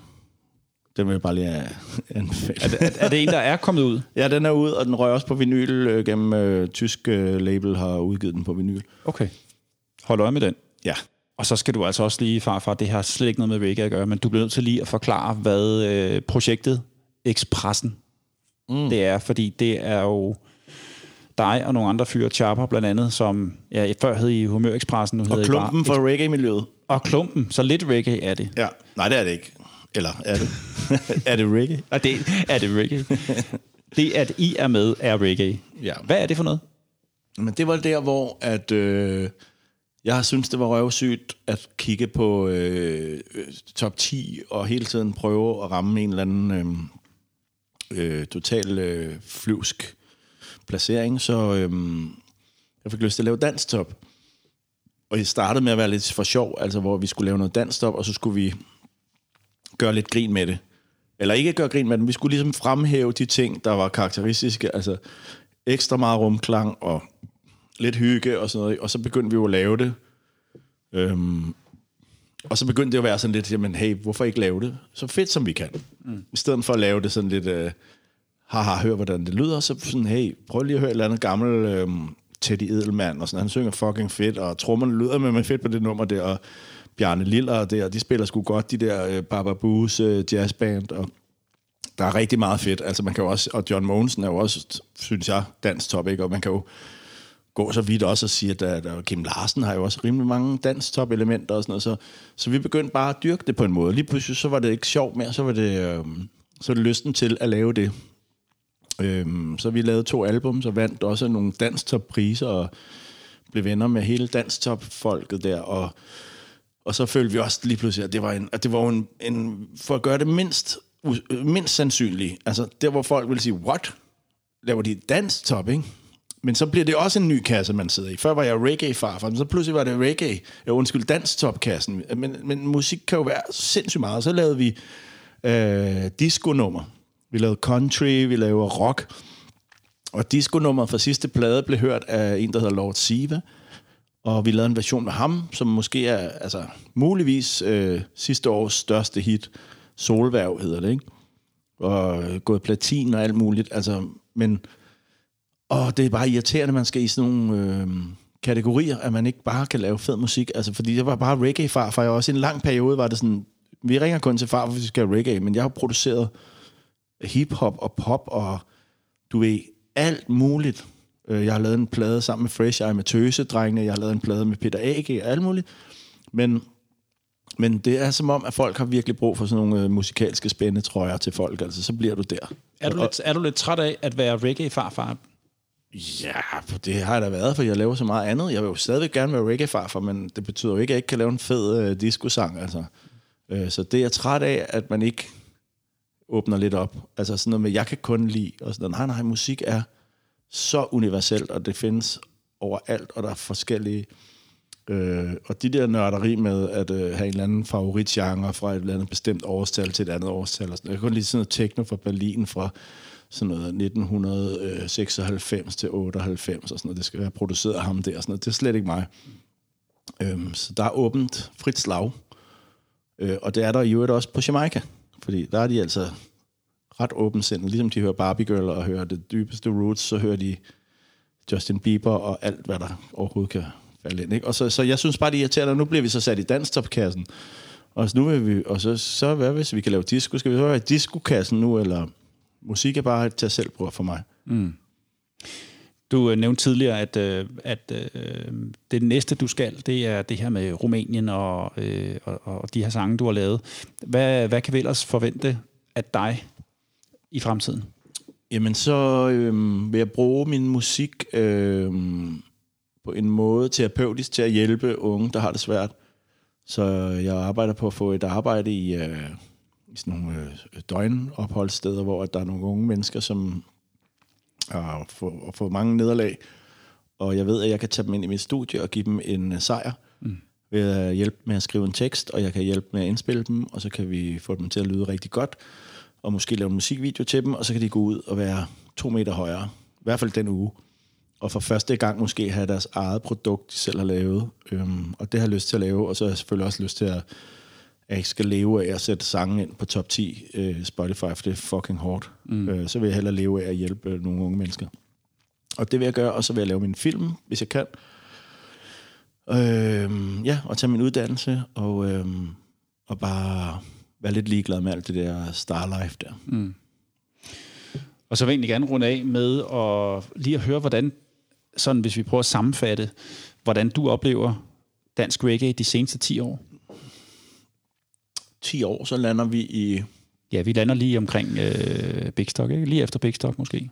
Ja, og det var jo der, hvor der var, øh, der var kysshånd til mig for alt, hvad jeg kom med, og øh, ugens undgåelige og betræs interesse og alt muligt. Øhm, og der kom så en reggae-bølge efter det. Så, øhm, så den er ligesom, den fik sit liv og blomstrede og visnede lidt også, altså hvis jeg skal være grov. Og fordi folk fik børn, og, og så sker jo bare, det var også en generationsting, så kommer hiphoppen stærkt tilbage. Man identificerer sig med nogle mennesker, øhm, så ja, altså den, den, er, den kører op og ned, og, øh, og så ved jeg ikke, hvad det næste bliver. Det kommer også meget an på Jamaica. Altså jeg synes, det er et, øh, der er nogle problemer, der gør, at det er svært at føle sig inkluderet i reggae-kulturen, og det er også den der, det har vi snakket om rigtig meget i det her program, men det er det der med, altså, øhm, der, kan, der kan godt være nogle attitudes. Jeg kan simplificere det sådan her. Jeg skulle spille opvarmning til øh, Movado i Vega, og står, og jeg tror, jeg er DJ på det tidspunkt, og står, og så skal jeg bare lige ud, og så tager jeg gardinet fra, og der står Movado så, og vi kigger ud igennem en lille sprække, og så sviner han mig til. Altså som om jeg bare er jordens fucking skrald. Fordi jeg bare har gået fra min DJ-pult over og åbnet gardiner, fordi jeg vil ud. Hvordan, hvordan har jeg nogen chance for at vide det? Der er sådan nogle attitudes, der gør nogle gange, at jamaicaner og reggae er svært at forholde sig til, fordi rent forretningsmæssigt, rent følelsen af, hvor meget respekt man skal betale for at få lov til at være med i det der, gør, at man har lyst til at sige, ej, ved du hvad, Altså, jeg har virkelig gået langt, fordi jeg elsker musikken, men jeg skulle ikke blive behandlet super godt. Mm. Så, øhm, så det er i hvert fald en, en udfordring, der gør. Og nu, hvor der kommer så meget lort ud, hvor der ikke er nogen sig, der er ikke en eller anden, hvor vi siger, ligesom i gamle dage, hvor vi bare siger de bedste tunes fra, så er det altså også bare virkelig svært at, at gå i gang. Men, men på den lyse side i Danmark ved jeg, at for eksempel øhm, sådan en som Chronics ligger på alle mulige playlists hos unge mennesker, der normalt ikke hører reggae. Og hende der øh, vidunderbarnet, hvad er hun hedder? Coffee. Ikke? Ja. Det hører de alle sammen. Ja. Øh, Lilla Ike har en chance. Der sker nogle sindssyge ting, og det er jo, nu snakker jeg om Jamaica, men det kommer ind i, da, i, i danskernes teenager, de er jo, de er jo verdensborgere, de, mm. de lytter det, og derfor er der også og der er rigtig mange sindssyge ting fra UK, en der hedder Steph London, og alt det der UK hip-hop, swing, hvad det end hedder, de snakker jo jamaikansk. Mm. Rigtig mange af de der hip-hop-artister, som laver, altså de har en hel ting kørende derovre, som de unge spiser. Så der mangler bare lige lidt til link lidt tilbage til Jamaica, så skal de nok finde ud af det. Er det, er, er det også det, du ønsker for dansk reggae i fremtiden? At det er, at vi bliver influeret af den jamaikanske reggae? Altså, jeg har sgu egentlig ikke nogen ønsker. Jeg synes, der sker de vildeste ting i musik, og frem og tilbage, og nogle ting er fra Jamaica, nogle er ikke, og sådan noget. Jeg er ikke på mission mere. Det har, jeg har brugt mit liv på en mission, og den er jeg ikke på mere. Det, øhm, er det er du bare mere- musik. Og er du mere på din egen mission nu? Sådan en mere personlig mission, end for musikkens? Jamen, jeg tror i virkeligheden, jeg har hængt... Ja, altså, min egen mission er jo at finde min vej og gøre min ting, selvfølgelig. Så ja, det er... Men jeg har ikke nogen forventninger til, hvordan det skal være. Fordi det skal nok finde vej, og, øhm, og jeg håber selvfølgelig, det kunne være fucking fedt, hvis vi fik en ny klub, hvor vi kunne spille øhm, tunes med høj bas, og, og se dansegulvet boble, og stå og råbe og skrige ind i en mic, det vil jeg elske. Altså hold kæft, det vil jeg gerne. Selvom jeg er snart 50, så synes jeg bare, det kunne være hjernedødt. Altså. Jeg er med, selvom jeg er, Er du med? 60. Ja. Selvom jeg er 60, så... så Du har aldrig stået og råbt til mikrofonen. Nej, det har jeg godt nok ikke. Men Du har valgt nogle fede tunes, ja, men- har men- hoppet rundt og sådan noget dans, Ja, ja, ja. ja. men det er rigtigt. Men du råber i mic'en, Jørgen. Jørgen Lidt nogle gange. Ja, Ja, ja. Det, det, jeg, jeg er bare ikke så god til det, altså. Men kender du ikke også den der følelse, at man er måske øh, følelsesmæssigt underskud, og man kommer, og så nu er det forventet, nu skal du stå og råbe i den der mic, og du har overhovedet ikke lyst.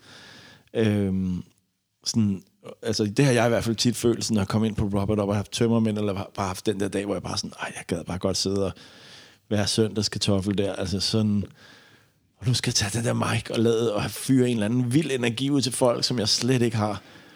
Det synes jeg er virkelig svært nogle gange. Jamen, jo, og, og, og jeg har altid, øh, jeg har altid syntes, at øh, for eksempel Stone Love Sound System med, med, deres, øh, med deres DJ's, øh, Rory og, og Weepo, var, har været de fedeste. Altså, jeg er jo opvokset med, med dem, og jeg har jo aldrig nogensinde kunne gøre noget, der til nærmelsesvis lignede det, de gjorde. Så jeg har altid syntes, at når jeg gjorde det, så var det bare pisseplat.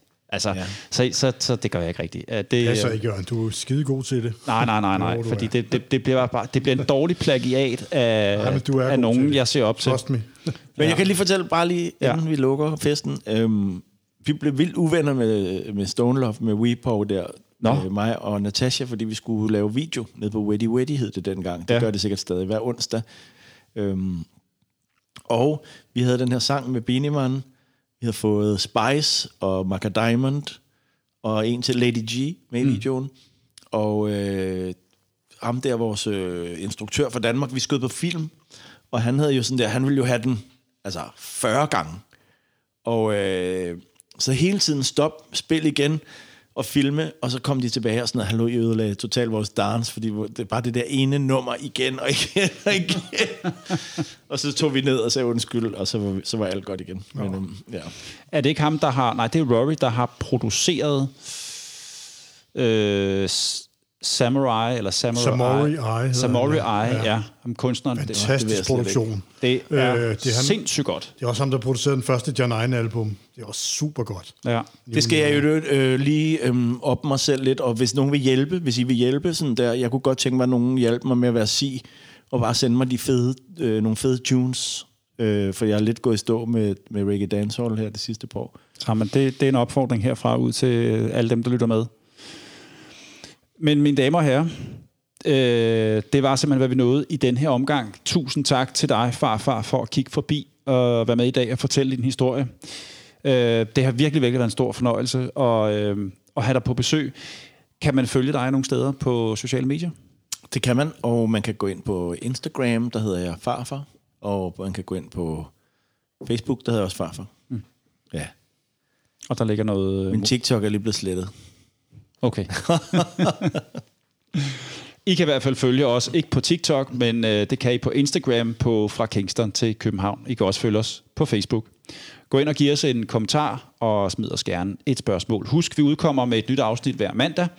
Det gør vi på Apple Podcast, Spotify, Google Podcast og på vores hjemmeside, der hedder fra kingston til kph.dk. Også en stor tak til Jonas Bæk for teknisk support. I må meget gerne give os nogle stjerner og kommentarer inde på øh, iTunes. Tak for nu. Tak fordi I lyttede med. Og husk at fortælle din nabo om denne podcast, så vi kan komme ud til endnu flere lyttere. Vi høres ved i næste afsnit af Fra Kingston til København på genhør. Og husk, at reggae skal ud til folket.